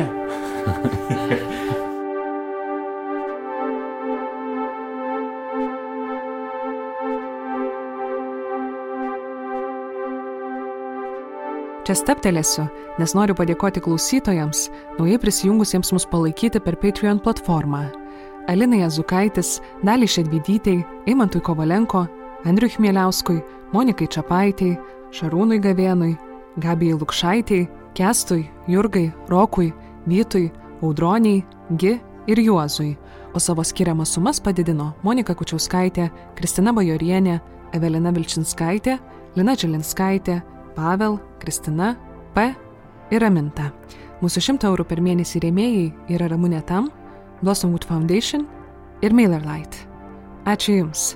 Jūsų parama mums padeda ne tik renkti žurnalistinius pasakojimus, aukti, bet ir suprasti, kad yra žmonių, kuriems iš tiesų to reikia. Norintys prisijungti galite tai padaryti adresu patreon.com pasvaras brūkšnys nara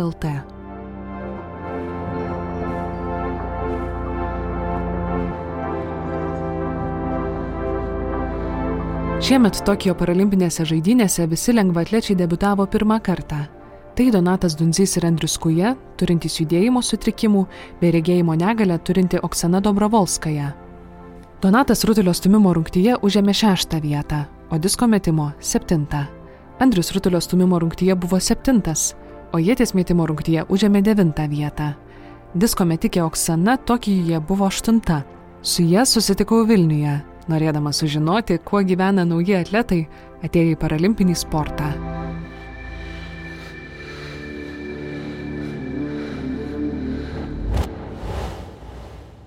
Labas, Oksana. Sveiki. Smagus su tavim susitikti. Kaip pradėjai sportuoti? Papasakok savo kelią, kaip tu atėjai į sportą. Ar tu nuo, nuo, nuo, nuo mažens sportavai, ar, ar vėliau tik pradėjai? Nuo mažens aš sportavau tik tai mintyse. tai vad susiklosti, kad visą laiką norėjau a, įsirašyti kokį nors burelį sporto, sportuoti, a, bet nuo kūno kultūros buvau atleista dėl a, prasto regėjimo. E, kol mokinausi integruotoje mokykloje.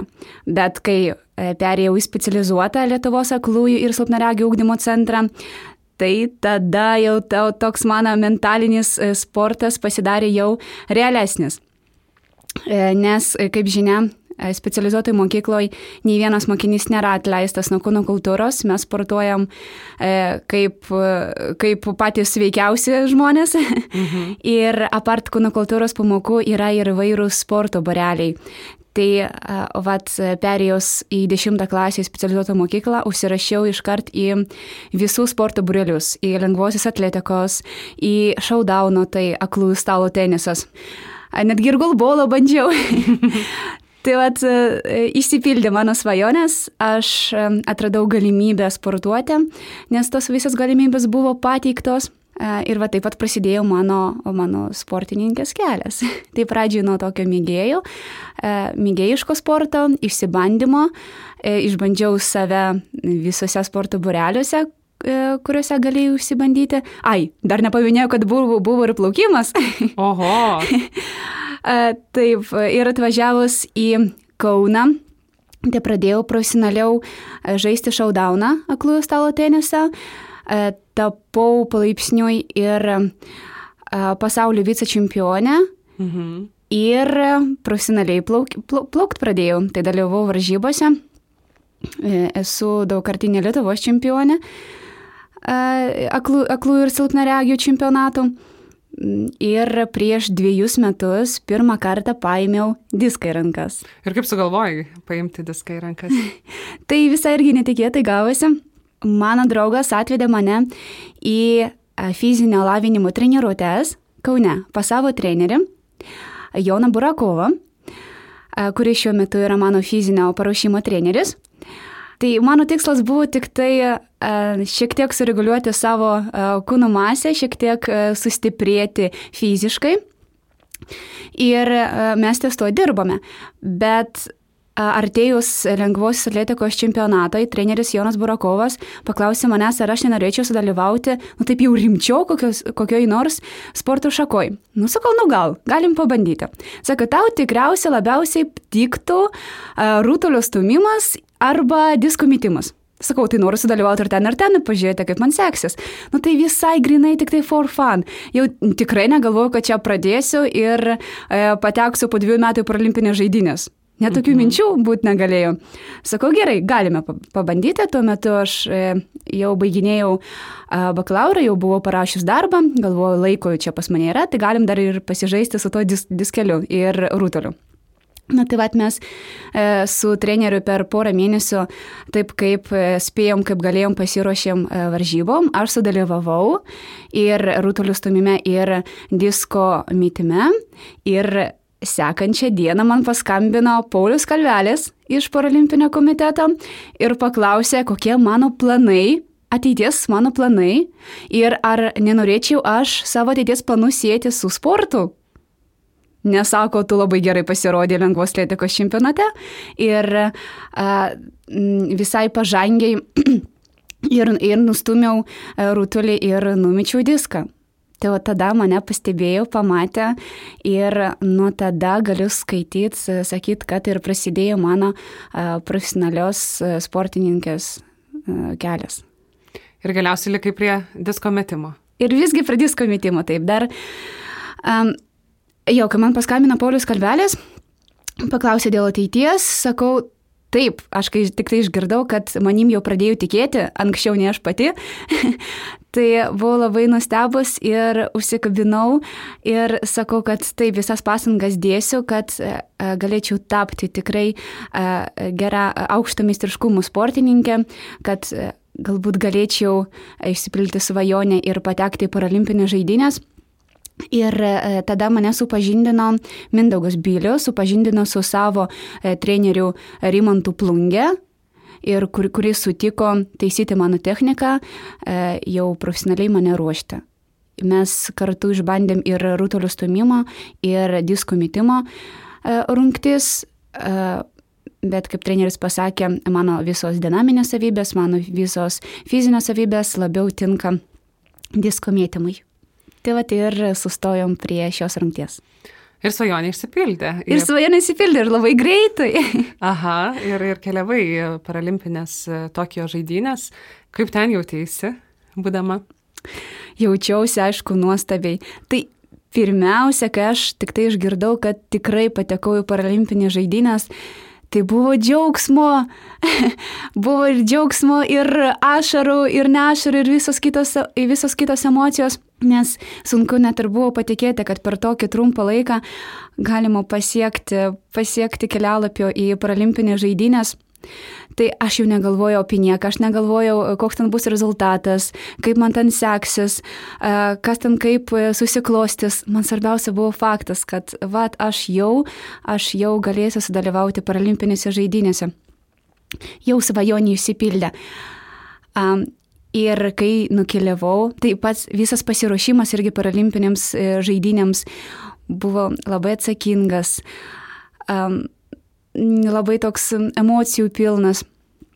Ir kai mes nukeliavom į Tokiją, o Tokijas tai yra visai kitoks miestas, yra, kaip aš sakau, kad nu, visai kitoks pasaulis nei mūsų, e, su visa kultūra, su, su viskuo.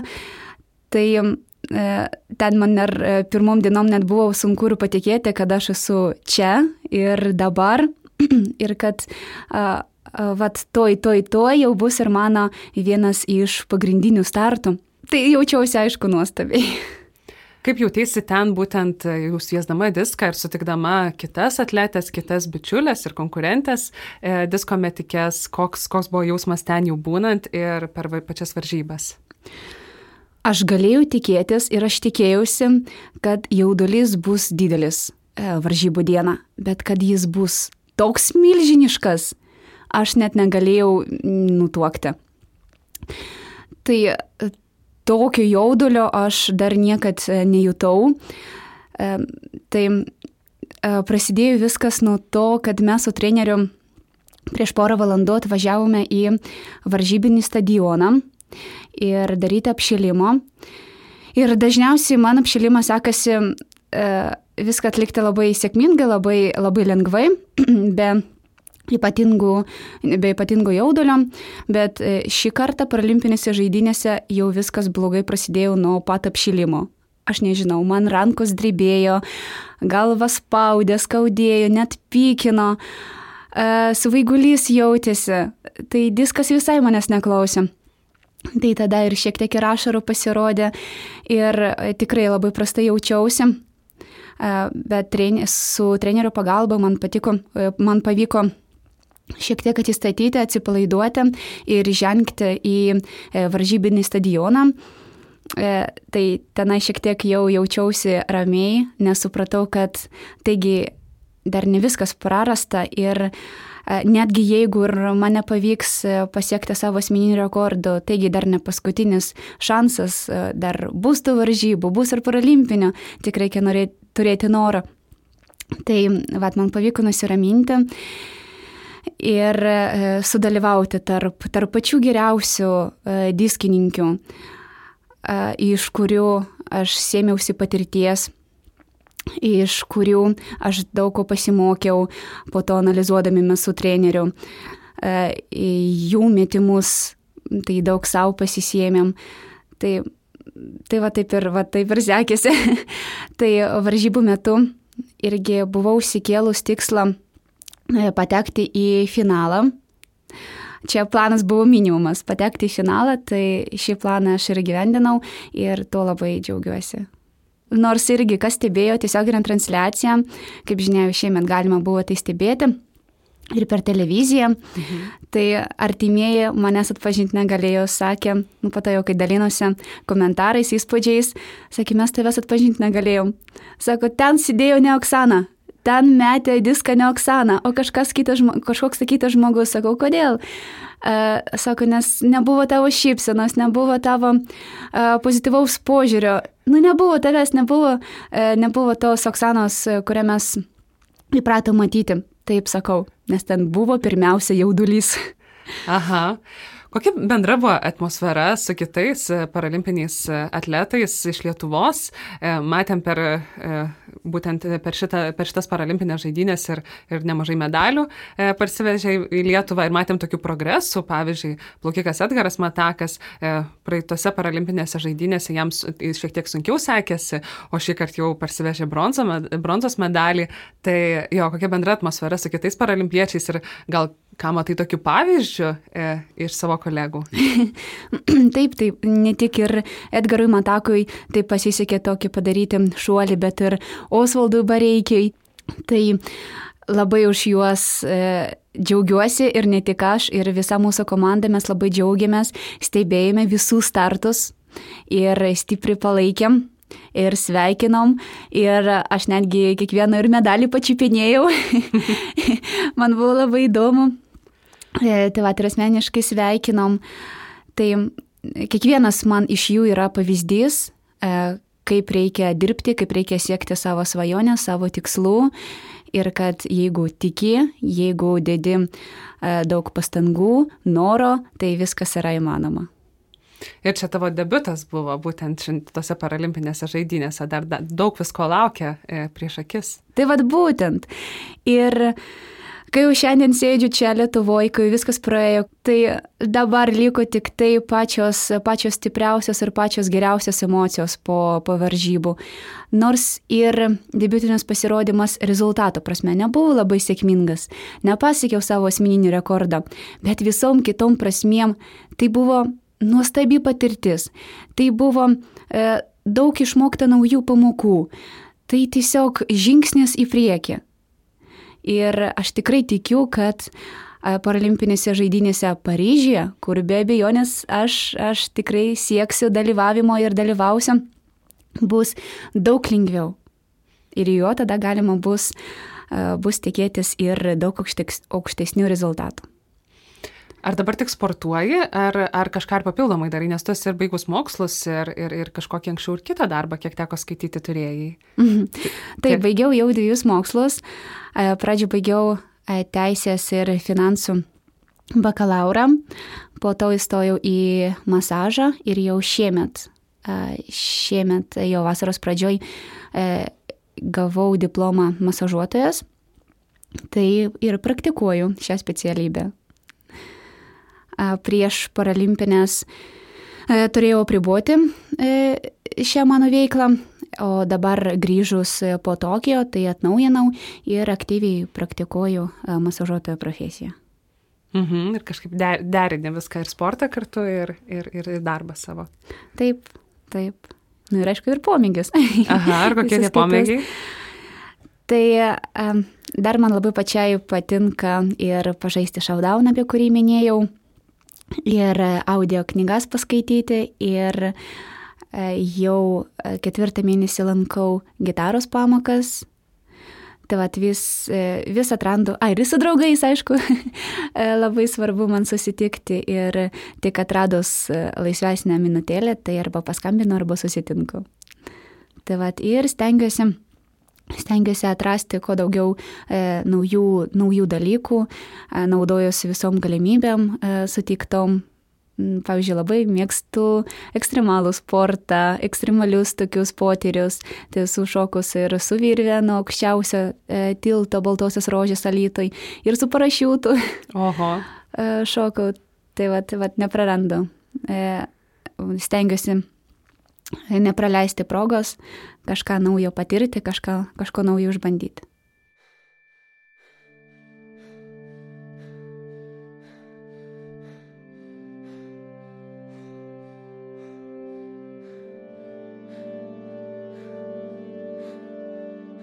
Prieš penkerius metus kolegos Berta, Karolis Pilypas, Mindaugas ir Sofija užfiksavo visus paraatletus vykusius į Rio de Žaneiro paralimpiadą. Dalis jų šiemet nepateko į Tokiją, tačiau vis tiek norėjome sužinoti, kuo jie gyvena šiandien. Tad susisiekėme su keliais iš jų. Per paskutinės dviejas paralimpinės žaidynės iš visų šalių sportininkių moterų skaičius tarp visų dalyvių išaugo nuo trečdalio iki 42 procentų, tačiau Lietuvoje šis skaičius neauga. Nors šiemet turėjome dvi vietas moteriams sportininkėms - maratonininkiai Aušai Garunkštytį patyrus traumą, į Tokijo paralimpinės žaidynės vyko tik viena sportininkė. 2016-aisiais irgi turėjome tik vieną paraatletę iš Lietuvos - lengvaatletę Ramūnę Domaitienę. Gražiausias rytas tai yra tada, kada atsikeli ir, ir jauti, kad tau nieko neskauda. Tai prieš penkerius metus kalbėjo Ramūnė. Ankstesnėse paralimpinėse žaidynėse judėjimo sutrikimų turinčioje sportininkių klasėje jis šokdavo į tolį ir tiek Londone, tiek Rio de Žaneire iškovojo ketvirtąją vietą, iki bronzos pritrūkus vieno centimetro. Prieš porą metų jį pasuko į disko metimo rungtį, taip pat treniruoja vaikus. Kolegė Berta paskambino Ramūnė į Klaipėdą.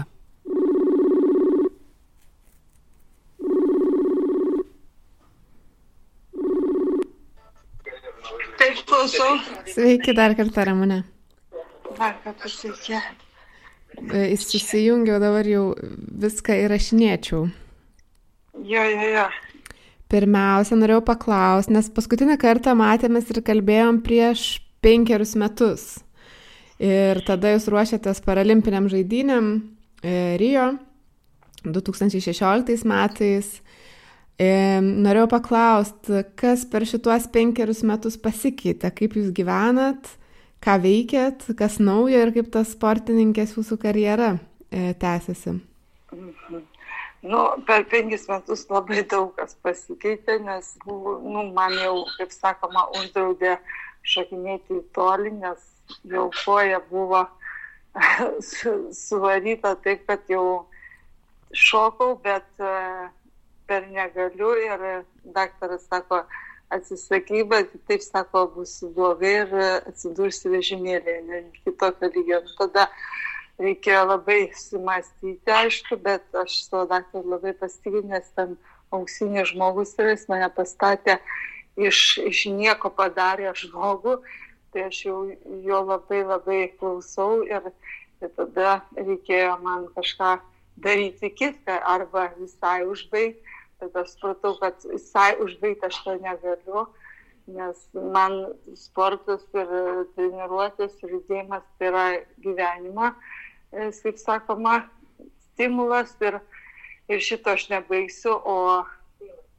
o taip, taip greitai atsisveikinti su tuo paralimpiniu sportu irgi nesidarėjo, bet tada nutariau kažką iš mėtymų paimti, bet kadangi mano mėtymų rungtis, kurias turėjau daugiakovėje ir rutulys ir jėtis buvo mano grupėje jau panaikintos, nebebuvo jų, tai buvo tik tai vienas diskas kuris sujungtas 37 grupė ir reikėjo arba jį mokintis mėtis, arba tada jau viską pabaigti. Nu ir nutariau savo tokį iššūkį, nu galvoju, nu o ką, o, o ko neišmokti. Nu ir, ir pradėjau pratintis ir kiek va čia buvo tų metų mėtyt, po biški, po biški, nu, lyg tai ir ėjęs, viskas neblogai, bet pačio to tokio tikro metimo sukimo nelabai turiu.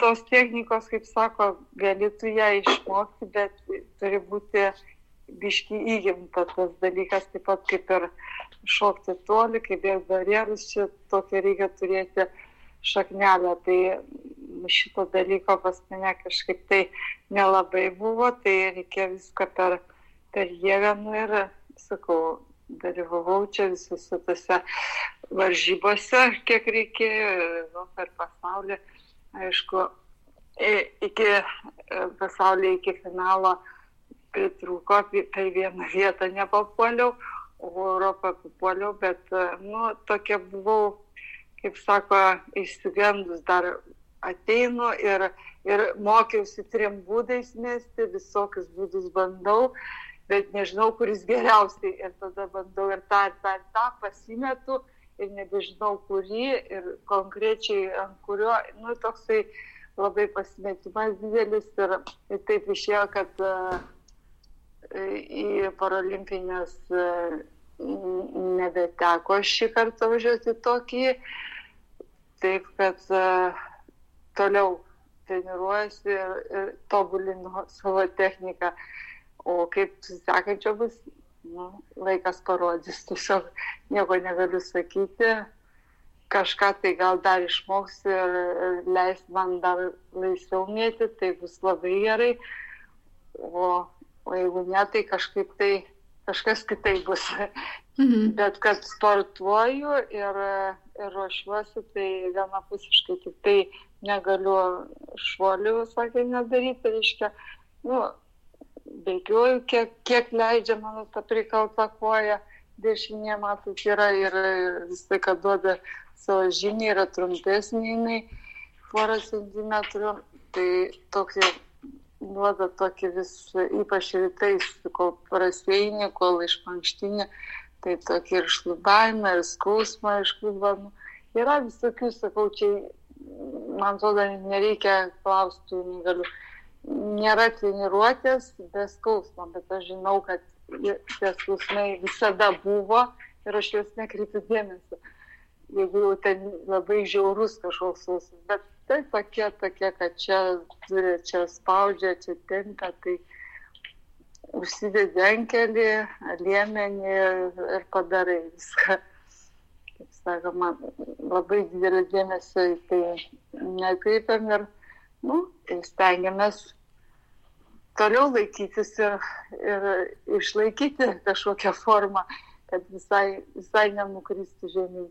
O jūs tada e, prieš penkerius metus treniravo jūs jūsų mama Algina, ar dabar irgi su mama treniruojatės, ar turit kažką dar, kas padeda treniruočių metu? Ne, ne, man kaip mama treniravo, matot, jinai yra diskininkė buvusi, labai gera ir e, tėtis buvo daugiakinkas irgi disko mėtė labai gerai, nu aš kažkaip tai biški, biški kažkaip ne iš tos atrodo šeimos, nu man tas diskas nelabai taip e, stipriai prie širdies, aišku, kaip skrenda gražiai, tai man labai geras ir gražus, bet kai neišeina, tada labai jau pykstu ant jo.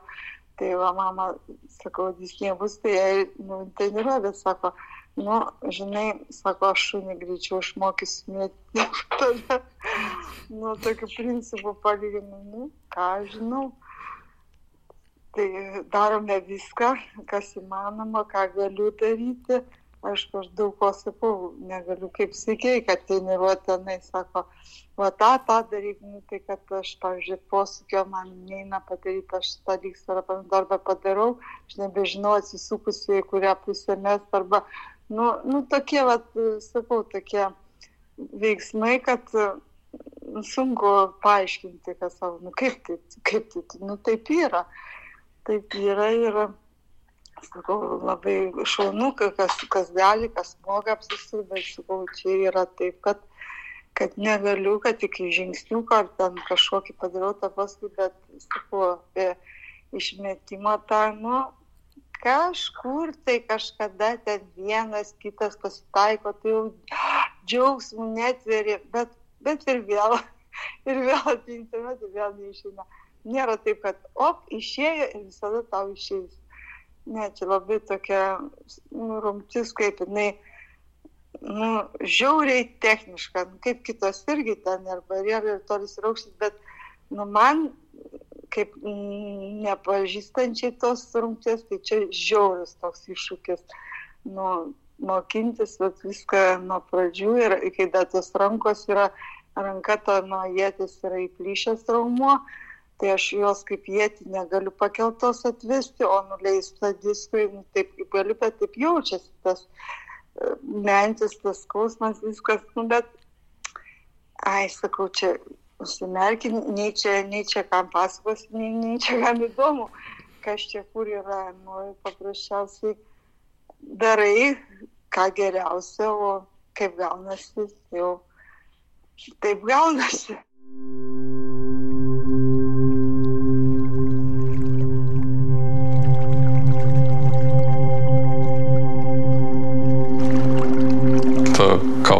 Iš pradžių yra ne prieš kitus, net prieš save turi, nu, save nugalėti kiekvieną kartą ir nepasiduoti. Tas, tas ir veža.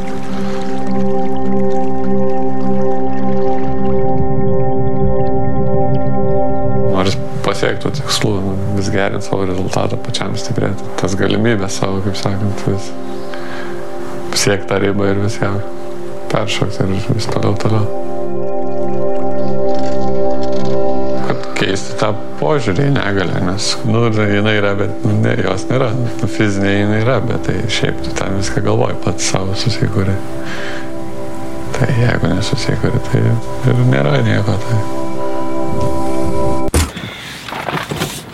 Taip pat Klaipėdoje gyvena pirmasis ir vienintelis pararkluotojas Lietuvoje Augustas Navickas, turintis judėjimo negalę.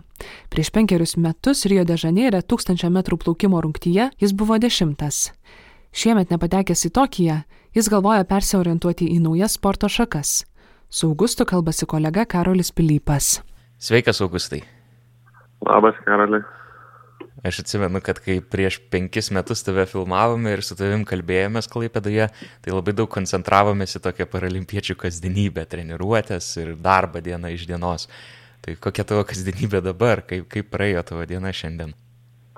A, na, šiandien diena, kaip ir dauguma kitų, iš ryto atsikėliau, išsimaudžiau šaltam vandenį, pa, pasportavau, pasimakšinau pusryčiai ir tiesiog prie darbų sėdau namie dabar. Mm, o ką dirbi? A, šiek tiek su video projektais, keletą svetainių kurvoju, dar šiek tiek kitų veiklų yra, tai veiklų netrūksta. Tai iš esmės e, e, ne tik, ne tik sportuoja, ar ne, nes kartais atrodo, kad jeigu yra olimpiečiai, paralimpiečiai, tai atrodo, kad tik aplink sportą sukasi gyvenimas. Nu jo, kažkaip pradžioj visą energiją ir laiką atiduodavau sportui, ir paskutiniais metais pagrindė irgi, bet kai jau nepavyko pavasarį išsikovoti tos vietos į Tokiją, tai atsirado, kaip sakant, daugiau laiko ir darbams, šeimai. Hmm. Nu, vat, ne, nors ir nepateko tau į to, nepavyko į Tokijo paralimpinės žaidynės to kelialapį išpešti, bet e, kaip, koks, koks tavo santykis su irklavimu toliau, ar, ar sportuoji ir sportuosi jį, e, kaip jautiesi apie tai? Nu, at, jo, dėl irklavimo toks na, dvipusis santykis, kaip ir patinka, kaip ir nelabai, kaip ir tokį PTSD turiu išsivystęs baimę dideliom bangom irkluoti. Ir dabar tuos visus, at, tą visą ciklą penkis metus atidaviau tam, kad patekčiau į tokią ir nepavyko. Tai dabar taip kažkaip bandysiu galbūt žiūrėti į kitas sporto šakas, po truputį persiorientuoti, išbandyti save kitur. Mm, atsimenu, kad e, kai, kai darėme projektą Gale nugalėti, tai tavo dalis tame projekte turėjo pavadinimą iš vienos tavo citatų. Tai tas pavadinimas buvo penkias minutės kančios, nes tiek mm. užtrukdavo nuplaukti tos tūkstantį metrų. Ar jauti, kad, kad, kad vis dar yra ta kančia, ar jau tos kančios mažiau ir kažkaip... Ja, ne, tai ta kančia tebėra tik nais po Rio, jinai pasikeitė į 10 minučių kančios, nes pas mus distancija pakeitė iš 1 km į standartinę, kaip ir pas veikosios irkluotojus, 2 km, tai, sakant, maždaug padvigubėjo tas ir laikas, kiek mes užtrunkam distancijai. Minėjai, kad biškiai dairaisi ir kitų sportų, kas, kas tave traukia dabar. Na nu, taip, dabar taip, kadangi ta patirtis vat, irklavimo tokia, kad, kaip sakant, aš stengiausi viską dariau, bet yra neįgaliųjų sportas labai tas specifinis, kad, nu, yra, sakant, kategorijos mes suskirstami pagal negalių stiprumą. Tai tuos penkis metus aš tenai stengiausi, viską dariau ir, nu, kaip ir žinau, kad, nu, čempionų tikrai neįmanoma tapti, nes žmonės tiesiog fiziškai stipresni, pas juos daug mažesnės negalios bet taip kaip skaičiavau, žiūrėjau, kad nu, patekti į paralimpinės sektorių galimybę. Lygiai ir bet vis taisyklės po truputį keitėsi, laisvėjo, kad davė pranašumą jiems dar didesnį. Ir paskui paskutiniais metais iš vis iš stipresnės kategorijos persikvalifikavo į mano. Tai va, tiesiog, buvo paskutinė ta atranka į Tokijo dėl paskutinės vietos. Tai naujas žmogus, pirmą kartą tarptautinėse varžybose ir klavimo dalyvavęs, kaip sakant, atėjo ir mus ten senus nušlavė. Mm. Be konkurencijos. Tai va, dėl to labai gaila, šiek tiek buvo va, čia didžiausias. Tai va su tą patirtimi taip atsargiai, ramiai niekur neskubėdamas dabar ir noriu apsidaryti tas įvairias sporto šakas, žiūrėti, kur, nu, kur bent teoriškai turėčiau galimybę nu, laimėti, sakykime, tam, jo, galbūt ne iš karto ar ką, bet jeigu tu ten stengtumės, ruoštumės ir dirbtum dėl to, kad bent teorinė galimybė būtų laimėti, nes, na, čia sakau, ir klaimą, tai aš jau žinau, kad, nu, tarp čempionų kažkokio pasaulio, tam ar prizinę vietą, tai neturiu šansų. Taip tas iš dalies ir būdavo irgi sunku ten, nu, su motivacija savo ir panašiai, kai, kai, mm. kai, kai, kai dirbi prakaituoji dieną iš dienos ir išvargsti ir panašiai. Tai va, dabar sakau, taip ramiai neskubėdamas, tai va, aš bandausi su dviračiais, na kaip turėjau aš tą dviratį treniruotėm visą laiką. Čia Lietuvoje tas varžybos vyksta, norėjau jau vykti rugsėjo mėnesį į Šveicariją, mačiau, buvo vienintelės varžybos šį sezoną. Bet rūpjūčio mėnesį pats susirgau COVID, nu, gan lengvai prasirgau, bet vis tiek, sakant, visiškai formą praradau viską, tai tai kaip ir nebeplanavau jau vykti, kadangi tiek iš savo lėšų viską, tai Šveicarija brangu, tai dėl pramogos dar, mm. dar palauksiu, pasitreniruosiu, galbūt, kad galėčiau kitais metais. Na, no, tai ja. dalyvavai tame, tame dviračių plento čempionate čia Jonavoje. Taip, jau, jau buvo, e, praeitais metais Jonavoje vyko, šiais metais e, Šiauliuose buvo. Mm, kaip, kaip tau ten sekėsi? Nu, sekėsi gerai, taip kaip ir, nu, laimėjau, bet nelabai tos konkurencijos Lietuvoje yra, nes tiesiog žmonės nelabai turi tokio ir inventoriaus tų tokių sportinių dviračių, tai, tai, tai jo, trūksta tos konkurencijos. Norėtųsi, kad būtų ir vietai žmonės daugiau sportuotų turėtų su kuom ir kaip. Tai dėl tos konkurencijos irgi aš atsimenu, kad kai, kai filmavome prieš penkis metus irgi buvo tas klausimas, nes tu buvai vienintelis paralimpinis irkluotojas tuo metu. E, tai ar, ar, ar kažkur tame sporte atsirado kažkokia konkurencija tau, ar, ar tu taip vienas ir... ir... Ne, taip, taip vis dar vienintelis ir likau tas para irkluotojas iš Lietuvos. Na, turim vieną e, giedrę irkluotoją, kuri jau studijuoja Anglijoje ir gyvenam ir jinai turi Anglijos pilietybę. Mm. Tai jinai Didžiosios Britanijos rinktinė atstovauja, tai jos komanda tapo paralimpinės čempionė. Ne auksą. Tai mm. Bet Lietuvoje tai daugiau kaip ir nieko neturime dar. Kaip, kaip šeimininis gyvenimas, kaip tavo draugė? Tai jau žmona. Jau žmona. Jau tris metus. Džiaugsimės, kaip esam susituokę. Sveikinu švęsime. Ačiū. Tai yra viskas labai gerai. Ką planuoji artimiausiai ateityje? Kas, kas laukia tavęs va kitą savaitę, dar kitą? Kitą savaitę, dar kitą. Nežinau, dar, nu, dar nesakiau, dar pradėjau šaudyti su lanku. Praleidai. jo, dar praleidau. Tai, nu, čia toks dabar kaip, kaip hobis, labai irgi šiek labai mm. patinka, užkabino bet dabar jau baigėsi tas toks sezonas lauko. E, ten, kur eina treniruotis paskui į vidų, tai jau yra nepritaikyta, man negaliu pasiekti nu, tos vietos kažkur ten, kur jie treniruojasi vidui.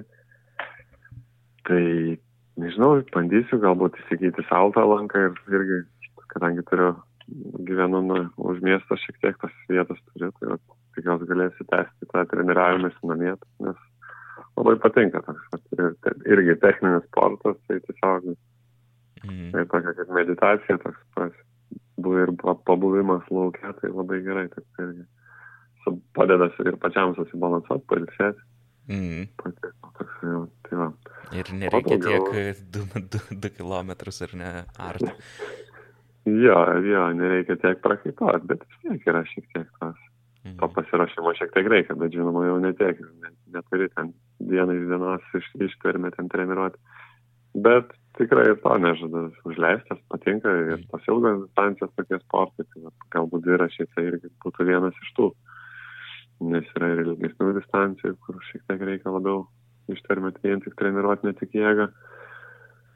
Tai aišku, baigęs ir pas mus čia toks sezonas lėtingas, tai galbūt tam dviračiai įsigyti treniruoklį, kad galėčiau stacionariai namie ant jo treniruotis ir, nežinau, valandas ir prakaitus lėti namie, žiūrint Netflix'o visą žiemą. ir bandyti pasiruošti galbūt kokiam varžybom. Tie metam išsibandyti, nuvažiuoti, pasižiūrėti, susižinoti, kokias ten galiu kategorijas, kaip ten veikia. Nes irgi yra tų niuansų. Mm. Ja. Supratau, labai smagu su tavimi buvo pasikalbėti ir ką linkiu taik, taiklių šūvių e, ir, ir, ir kad kuo mažiau bangų būtų. dėkui, dėkui.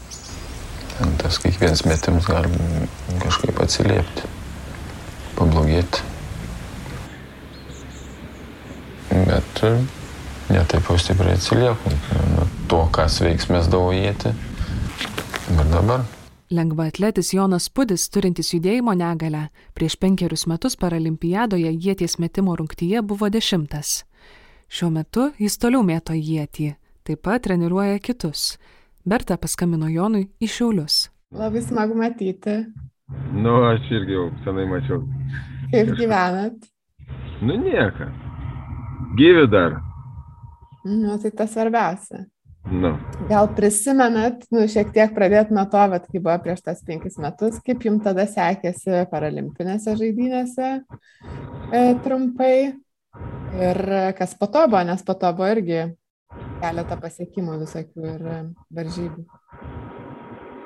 Nu, tai tas paralimpinės išvažiavam ir jo, kaip ir viskas, nu, gerai ir, ir, ir, ir savijauta gera, netgi gal per gera buvo savijauta tai tas gal ir, ir, ir pavedėm, pakišo kuoją, nes jau labai norėjau, labai norėjau stipriai mėsti ir matytas susikaustimas toks ir toks, ar varžybas yra tokias, kad yra ne šeši bandymai metimai.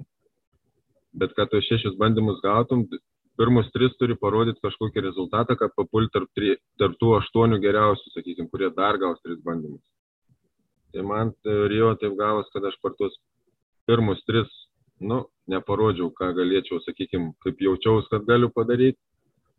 Ir pritrūko ir taip gavos, kad stovėjau aštuns, bet po manęs metė dar keli sportininkai ir taip mane į devintą vietą ir į dešimtą vietą išstumė ir taip gavos, kad aš palikau dešimt paralimpinėse žaidynėse ir, nu, toks rezultatas, nu, nežinau, sakyčiau, prastas. Bet po to paskui dalyvaujat kitose varžybose, ten geriau sekėsi. Paskui, kas čia įvyko, po Rio vyko tikriausiai uh, pasaulio čempionatas. Londone lėktais. Kas čia dabar, jo, tikriausiai. Nu, ten irgi, man rodos, kažką savo dešimtą vietą išlaikiau. Tik dabar jau, paskui Europos čempionatas buvo, Europoje be palikau ketvirt. Nu, toks buvo biški nuosmukis kažkaip nežinau, čia tie, tie, tie rezultatai palika tokie mano stabilus, tas, tas 50 metrų su biškiu ir, nu, kažkaip niekaip nesugebėjau, sakykime, pramušti daugiau kažkur to, to, to ant rezultatą. Ir gavus, kad ten dabar, dabar Europos čempionate paskutinis, kai buvo, tai palikau ketvirtas, O šių metų Europos čempionate nu, sugrįžau į prizininkus, į antrą vietą. O kas dar ten vyko? Ai, dar Dubajai 19 metais buvau pasaulio čempionate septintas. Nu, toks jau aukščiausias pasiekimas, sakykime jau. Tai va. Mhm. Rio taip gavos, kad buvo šansas kažkaip geriau atsistoti. O šių metų rezultatus pamačius, kas įvyko Tokijo, tai visai nieko gero, ne, ne, nelinksmin. Čia tokie rezultatai užauga, kur su 57 e, Rio laimėjo mano klasę, jėti, 57 metrais, o šiais metais su 57 tik tai musiau koks penktas buvo. laimėšų 68.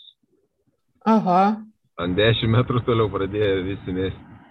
Nu, atsirado ten, nu, nu, tas sportas toks nėra stabilus, o atsiranda naujų žmonių, e, jaunų žmonių, kurie ruošės, gal profesionaliau ruošės, sakykim, taip gal pasiguoskim, kad mes ir, va, ir dirbam, ir, ir sportuojam, ir, ir šeimą auginam, kad neatsiduodi jau šimta procentų tam sportui. Ir gaunas taip, kaip gaunas. Laikais va tą tokį savo lygį, nu, kol kas Europoje užtenkto lygio, sakykime, bet jau į, į parolimpinės va, šiais metais ir nepakliuvau, nes uh, pasaulio reitinguose su savo 52 metrais ar 3 uh, palikau žemiau dešimtuką, o, o Lietuvai skirtas 3 kvotas, sakykime, ir kiti sportininkai liet, lietuviai stovėjo aukščiau negu aš ir tad taip išvažiavo jie. Mhm.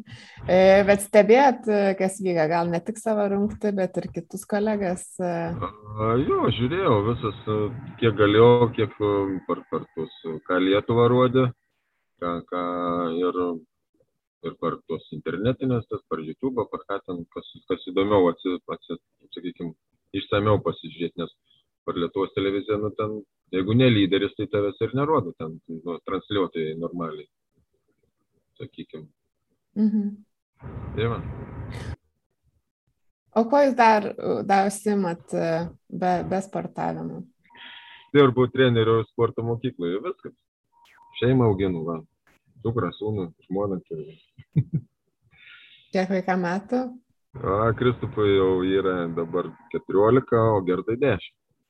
Sportuoja gal irgi su jumis? Jo, Kristups šiais metais įstoja į šiau, nu, kaip čia dabar skaitos, sporto gimnaziją, Lietuvos sporto gimnaziją, bet Šiaulios, kur jie. Nu, jis nu, dabar bando sportininkų režimų gyventi. Jėti mėtė ar kažką kitą? A, jo, jis, nu, pas mane buvo, jisai tą jėti mėtydavo ten.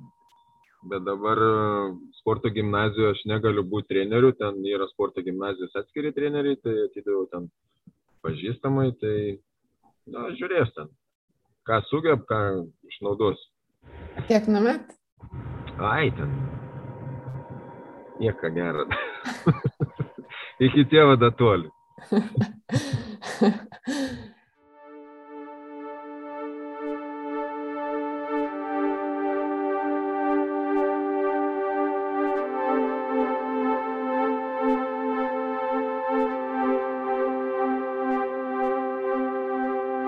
Toks mūsų epizodas šiandien. Ačiū, kad buvote kartu. Ačiū kolegoms Bertai Tilmantaitį, Karoliui Pilypui Liutkevičiui ir Mindaugui Drikotui už interviu su paraatletais bei jų fotografijas, kurias galite pamatyti mūsų puslapyje nara.lt. Rekomenduoju išgirsti ir dar vieną pokalbį. Iškart po Tokijo paralimpinių žaidinių kolegė Berta susitiko su Lietuvos paralimpinio komiteto prezidentu Mindaugu Biliumi. Šiame tinklalaidės epizode Mindaugas pasakoja tiek apie savo kaip sportininko kelią, tiek apie žmonių su negale sporto problemas ir galimus jų sprendimo būdus. Šio epizodo muziką kūrė Martinas Gailius ir Kata Bitoft. Jį vedžiau ir redagavau aš, Indrė Kiršaitė. Savo balsą įrašiau Lietuvos nacionalinės Martino Mažvydo bibliotekos garso įrašų studijoje. Ačiū ir iki kito karto.